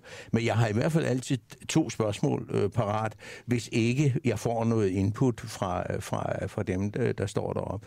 Langt de fleste, det er jo klart, at, at Danmarks Radio og TV2 og de store journalister, men der er altså for mange, der, der løber under radaren og begynder at spørge statsministeren om, hvorfor hun spiser makrelmad. Det er sgu ikke... Det er ikke jeg har ikke makrelmad, men jeg har en underbær. Vil du have en? Det er sgu da det mest kvejede spørgsmål, jeg har hørt i lang tid. Hvorfor ja, det? Jamen, så skal du have en. Mange tak. Så skal du have en. Herligt, en og, imens, og imens vi åbner den, Knud, så ja. kunne jeg godt tænke mig at høre, hvordan synes du, det kommer til udtryk, at journalisterne er dårligt forberedte på pressemøderne, når de møder op i dag? Hvordan kommer det til udtryk? Det kommer til udtryk ved... Skål. Ja, jeg skal lige være med her. Det er jeg ikke så rutineret i, i det her mm. spil. Kan du drikke den i en? Det kunne jeg. Skål før i tiden. Det kommer til udtryk ved, at du møder den der negligence, som, som vi siger på, på ny, Altså det, at, at statsministeren tager lidt pis på os og som, som øh, Henrik øh, Kortrup øh, fra, øh, fra Ekstrabladet, det var han ikke, da vi sidst var til presmøde sammen, har fremhævet, så er statsministeren klædt for dårligt på. Hun skal lige fodre, øh, hun skal lige fodre øh, skiderikkerne lidt derinde, og så vil hun gerne sælge nogle billetter til sit øh, parti, når hun står der og fortæller, hvor godt det går. Det går godt, når det, når det er, er, er hvad hedder det, covid, vi taler om men vi får ikke lov til at stille øh, nogle ordentlige spørgsmål. Og sidst men ikke mindst, bliver du straffet af statsministeren. Jeg var til presmøde i forrige uge, hvor vi, hvor vi talte om Afghanistan. Mm-hmm. Der skældte jeg øh, udenrigsministeren ud og, og sagde faktisk til ham, at, at han ikke havde en skid at skulle have sagt, fordi bestemmelserne lå i, i, øh, i USA, i øh, Washington. Og det betød, at selvom jeg altid sidder på første række til presmøderne, så fik jeg ikke lov til at stille spørgsmål. Jeg er vel formodentlig, det er ikke noget, jeg siger selv, det er et prædikat, jeg har fået, at jeg er vel nok en af de redaktører i Danmark, der er bedst klædt på med hensyn til covid. Jeg har fulgt det meget nøje, læser udenlandske medicinske tidsskrifter, følger med på de store tv-kanaler, men jeg bliver meget jævnligt sprunget over, ligesom også Kortrup blev. Hvem er dårligst? Øh, hvilke medier oplever du er ringest til at udfordre øh, den politiske elite, og, og, og hvem springer over, hvor gæret er lavest i forhold til at give befolkningen øh, den bedste dækning af stoffet? Øh, nu får du mig ikke til at sætte navn på vores kolleger. Det, det, øh, det ved jeg ikke på nogen måde. Men det er klart, at der er jo en meget stor forskel på, øh, om, om du er et lille medie, som for eksempel jeg er, eller du er et meget stort medie. De store medier behøver ikke nødvendigvis være de, øh, de bedste til at stille spørgsmål. Altså her tænker jeg, jeg vil gerne sætte navn på, på Berlingerne og mm. politikken og så videre og så videre. Det, det er, er forsigtige folk, og, og de stiller meget ofte lidt, lidt, øh, lidt harmløse spørgsmål. Hvor nogen har sagt, at mine spørgsmål er kritiske, det tror jeg simpelthen ikke, de er, men de er måske lidt, lidt, lidt lidt anderledes. Øh, jeg, jeg prøver at gå lidt anderledes øh, til, øh, til Ståle. Blandt andet, fordi jeg jo ikke skal levere. Jeg ser jo nogle af mine kolleger, der kraftigt står øh, og skriver, fordi der sidder en hysterisk redaktør og skal have på på, øh, på, øh, på video og, og dit og dat, og vi skal have en historie, den skal vi have nu. Jeg skriver til baggrund. Får du nogle gange indtrykket af, at de spørgsmål, som de større etablerede medier med, hvad skal vi sige, lidt hurtigere deadlines, at de spørgsmål, de stiller til eksempelvis statsministeren på et pressemøde, er aftalt på forhånd med øh, pressetjenesten? Nej. Det, det tænker du ikke er Nej, tilfældet? Jamen, det, det, er, det, det vil jeg vide, ellers vil jeg sætte med Hvor jer. vil du vide det fra? Det vil, hallo, jeg er, kom, jeg er kommet på, på Christiansborg de sidste 30 år, og jeg hører nøjagtigt de samme, øh, hvem der øh, er, er på, øh, på øh, hvad hedder det, hvem der er på antabus, og hvem der boller hvem, mm. og, og. Jeg har rimelig, jeg har rimelig tjek på, hvad der foregår på borgen. Og, og der er ingen, jeg tror godt, der er nogen, der vil. Der, der var sikkert mange, som gerne ville lave en aftale, men den går ikke, fordi det bliver opdaget på et eller andet tidspunkt. Altså, vi, vi, vi opdager, nu har vi, op, nu har vi fået afsløret et dokument, som beviser, at uh, udenrigsministeren jeg vil ikke sige, at han er fuld af løgn, det siger man jo ikke på en pæn radio, men lad os sige, at han har omgået sandheden meget, meget, meget lemfældig med hensyn til, hvordan vi får, får rømmet nede i, i Afghanistan. For nu har, har Berlingske Tidene altså i dag fundet frem et øh, klassificeret dokument, som viser, at der er kommet adskillige i juli måned er man blevet advaret af, de, af chefen for de danske styrker dernede, som siger, nu må der ske noget. Og det hele ramler jo sammen, da, da, da general, fireserende general Knud Bartels i sidste uge går på skærmen, han har været forsvarschef, og så siger han, nu handler det ikke om, om politisk snak, nu handler det om handling. Og havde jeg været forsvarsminister, så havde jeg kaldt ham ind til en skideball. Jeg havde taget hans stjerner, og jeg havde taget hans pension og det hele. fordi det er fuldstændig utilstedeligt, men det er flot gjort. Der er stor ros, jeg har også skrevet en artikel om, stor ros til Knud Bartels. De håndterer øh, lige så god, det sagde jeg til statsministeren Rosin faktisk, lige så gode de har været til at håndtere covid, lige så dårlige har de været til at, at, at håndtere øh, situationen i Afghanistan. Carsten Sand, han skriver i forlængelse af vores snak her, han skriver til mig, øh, det skal ikke være politikerne selv, der på pressemøderne bestemmer, hvem der må stille spørgsmål. Der bør en uvildig moderator på til de her møder. Hvad, hvad tænker du om sådan en idé? Jeg er stangsur over, at det ikke er mig, der har kommet med den idé, for det er en fremragende idé. Ja. Det er en rigtig, rigtig god idé. Hvorfor er det en god idé? Det er det, fordi hvis du får en uvild... Der er sgu ingen, der er uvildig. Men, men det ville i hvert fald hjælpe et, et, et stykke af vejen, hvis man havde en, som sad og styrede det. Altså i dag går det efter... Nu var Mette Frederiksen i lidt dårlig humør i forgårs, og så øh, vælger hun ud dem, hvor hun er sikker på, at, at, de, at, de, kom, at de kommer ikke efter hende på nogen som helst måde. En moderator, det vil være en fremragende idé. Jeg synes, det er fuldstændig vanvittigt, at det er statsministeren, der skal bestemme, hvem der skal stille spørgsmål. Jeg kunne egentlig godt tænke mig at spørge dig ind til øh, det pressemøde om corona, der blev holdt forleden i statsministeriet. Ja. Øh, deltog du? Ja. Ja. Men jeg fik ikke lov at stille et spørgsmål. Nej, det, det kan jeg jo næsten forstå. ja. Melgaard, øh, man kan godt sidde lidt og få indtrykket af, at der blev stillet mange spørgsmål om Afghanistan også. Der kom i hvert fald nogle stykker. Det coronapressemøde, var, var det, tror du, planlagt for at flytte fokus fra Afghanistan til, til noget andet?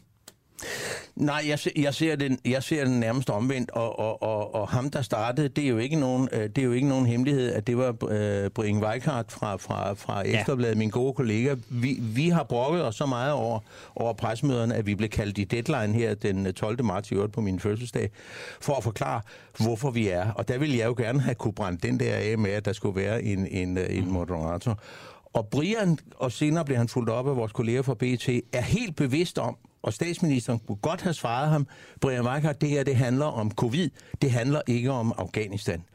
Men hun vælger at, at svare afværgende på, på, på spørgsmålet. Og det er udelukkende for at være på tværs. Det er jo ligesom Ekstrabladets opgave. Altså, sådan er det. Vi, vi, skal, vi skal gøre ting anderledes end de andre. Hun sendte vel egentlig, sendte hun ikke ordet videre til både øh, Trine Bremsen og... Øh Ej, det, var, det var et andet pressemøde. Det, det, det var, var pressemøde. Det var pressemøde, det rigtigt. øh, u, øh, ugen før, men altså hun, hun, hun sagde til, til, til Brian, øh, og så afbrød hun ham, og så gav hun ordet videre til BT. Det blev det ikke meget bedre for han fortsatte i, i samme skure. Og jeg vil da gerne afsløre her, øh, jeg håber ikke, der er nogen, der siger det til fru Frederiksen, at vi jo nogle gange, øh, Henrik, Henrik Kvartrup og Brian og jeg, har optrådt ligesom de tre musketerer, eller, eller de tre små grise. Det vil I aftaler strategi på forhånd? Ja, øh, nej, vi aftaler den sådan set ikke på forhånd, men jeg ved et pressemøde, vi havde øh, sidste år, hvor Henrik, Henrik Kvartrup stiller et spørgsmål, øh, som hun ikke svarer på. Hun siger, det, kan, det, det vil jeg ikke, øh, det vil jeg ikke svare på. Så refraserer han det, så stiller han det på en anden måde. Hun vil stadigvæk ikke svare. Så får jeg ordet, det skulle hun ikke gjort, så stiller jeg det samme spørgsmål. Og så blev hun sur, og så gik hun videre. Ja, tak. Og så gik hun videre til, til, til en anden. Og det er jo en af de ting, som er væsentlige. Vi skal ikke møde op til pressemøderne bare for at, at, at komme med en eller anden, øh, et eller andet opskønt øh, ordvalg af den ene eller anden. Vi skal ikke provokere bare for at provokere, men vi må gerne være mere øh, provokatoriske. Og der må vi altså Hvor sige... går grænsen så? Der er sgu ingen grænse. Vi har, vi har ytringsfrihed Nej, her. men hvis man ikke skal være øh, provokerende, men, men man godt må være provokatorisk, altså hvor går grænsen så til sådan, til sådan en pressemøde? Det, det, det synes jeg, og det synes jeg, øh, momento må, må, øh, må, må afgøre, men hellere et skridt for langt, eller et, øh, et skridt for kort. Er der noget, du fortryder på nogle af de pressemøder, du har været med til? Altså er der, en, er, er der noget, du ærger dig over? Nej, det er der. Det, det, det, øh, hvis jeg havde fået tid til at tænke over det, kunne det godt være. Men ellers kan du være sikker på, at der er tusinder af dine lyttere og seere, der, der godt kan finde noget, som kunne være gjort øh, meget bedre. Jeg får jo altid en kraftig efterkritik, øh, efterkritik ikke mindst af, af mine to øh, kvindelige øh, redaktører på, øh, på Omnibus. Der får jeg sat med så hatten passer. Det skulle du ikke have sagt. Hvad er det for et slips, du har på? Og så videre, og så videre. Så jeg får... Øh, og så har jeg et par gode, gamle redaktører siddende ude i Fæderlandet, som også sender mail. Så øh, jeg, jeg er i kort snor. Nu har vi været igennem, øh, ja, for du er redaktør både på magasinet Omnibus og på Transeuropa-magasinet. Øh, nu har vi været igennem et, øh, ja, en, en lang periode med, med corona, over et år med de her øh, coronapressemøder. Øh, mange har måske haft en tendens til at sige, at medierne, ligesom du også selv siger, øh, har været lidt uforberedte. Nogle har måske danset meget efter politikernes øh, line. Hvad kan, vi, altså, hvad kan vi lære i forhold til den politiske journalistik og public service opgaven oven på det her år, vi har set nu? Vi kan lære at læse bedre på lektien øh, i hvert fald når vi taler, når vi taler øh, corona. Og så skal vi lære at lade være med at danse efter øh, statsministerens pibe, fordi hvis der er nogen i dette land, der tror, at corona er for nedadgående, så tager de helt fuldstændig fejl. Hvad mener du med det?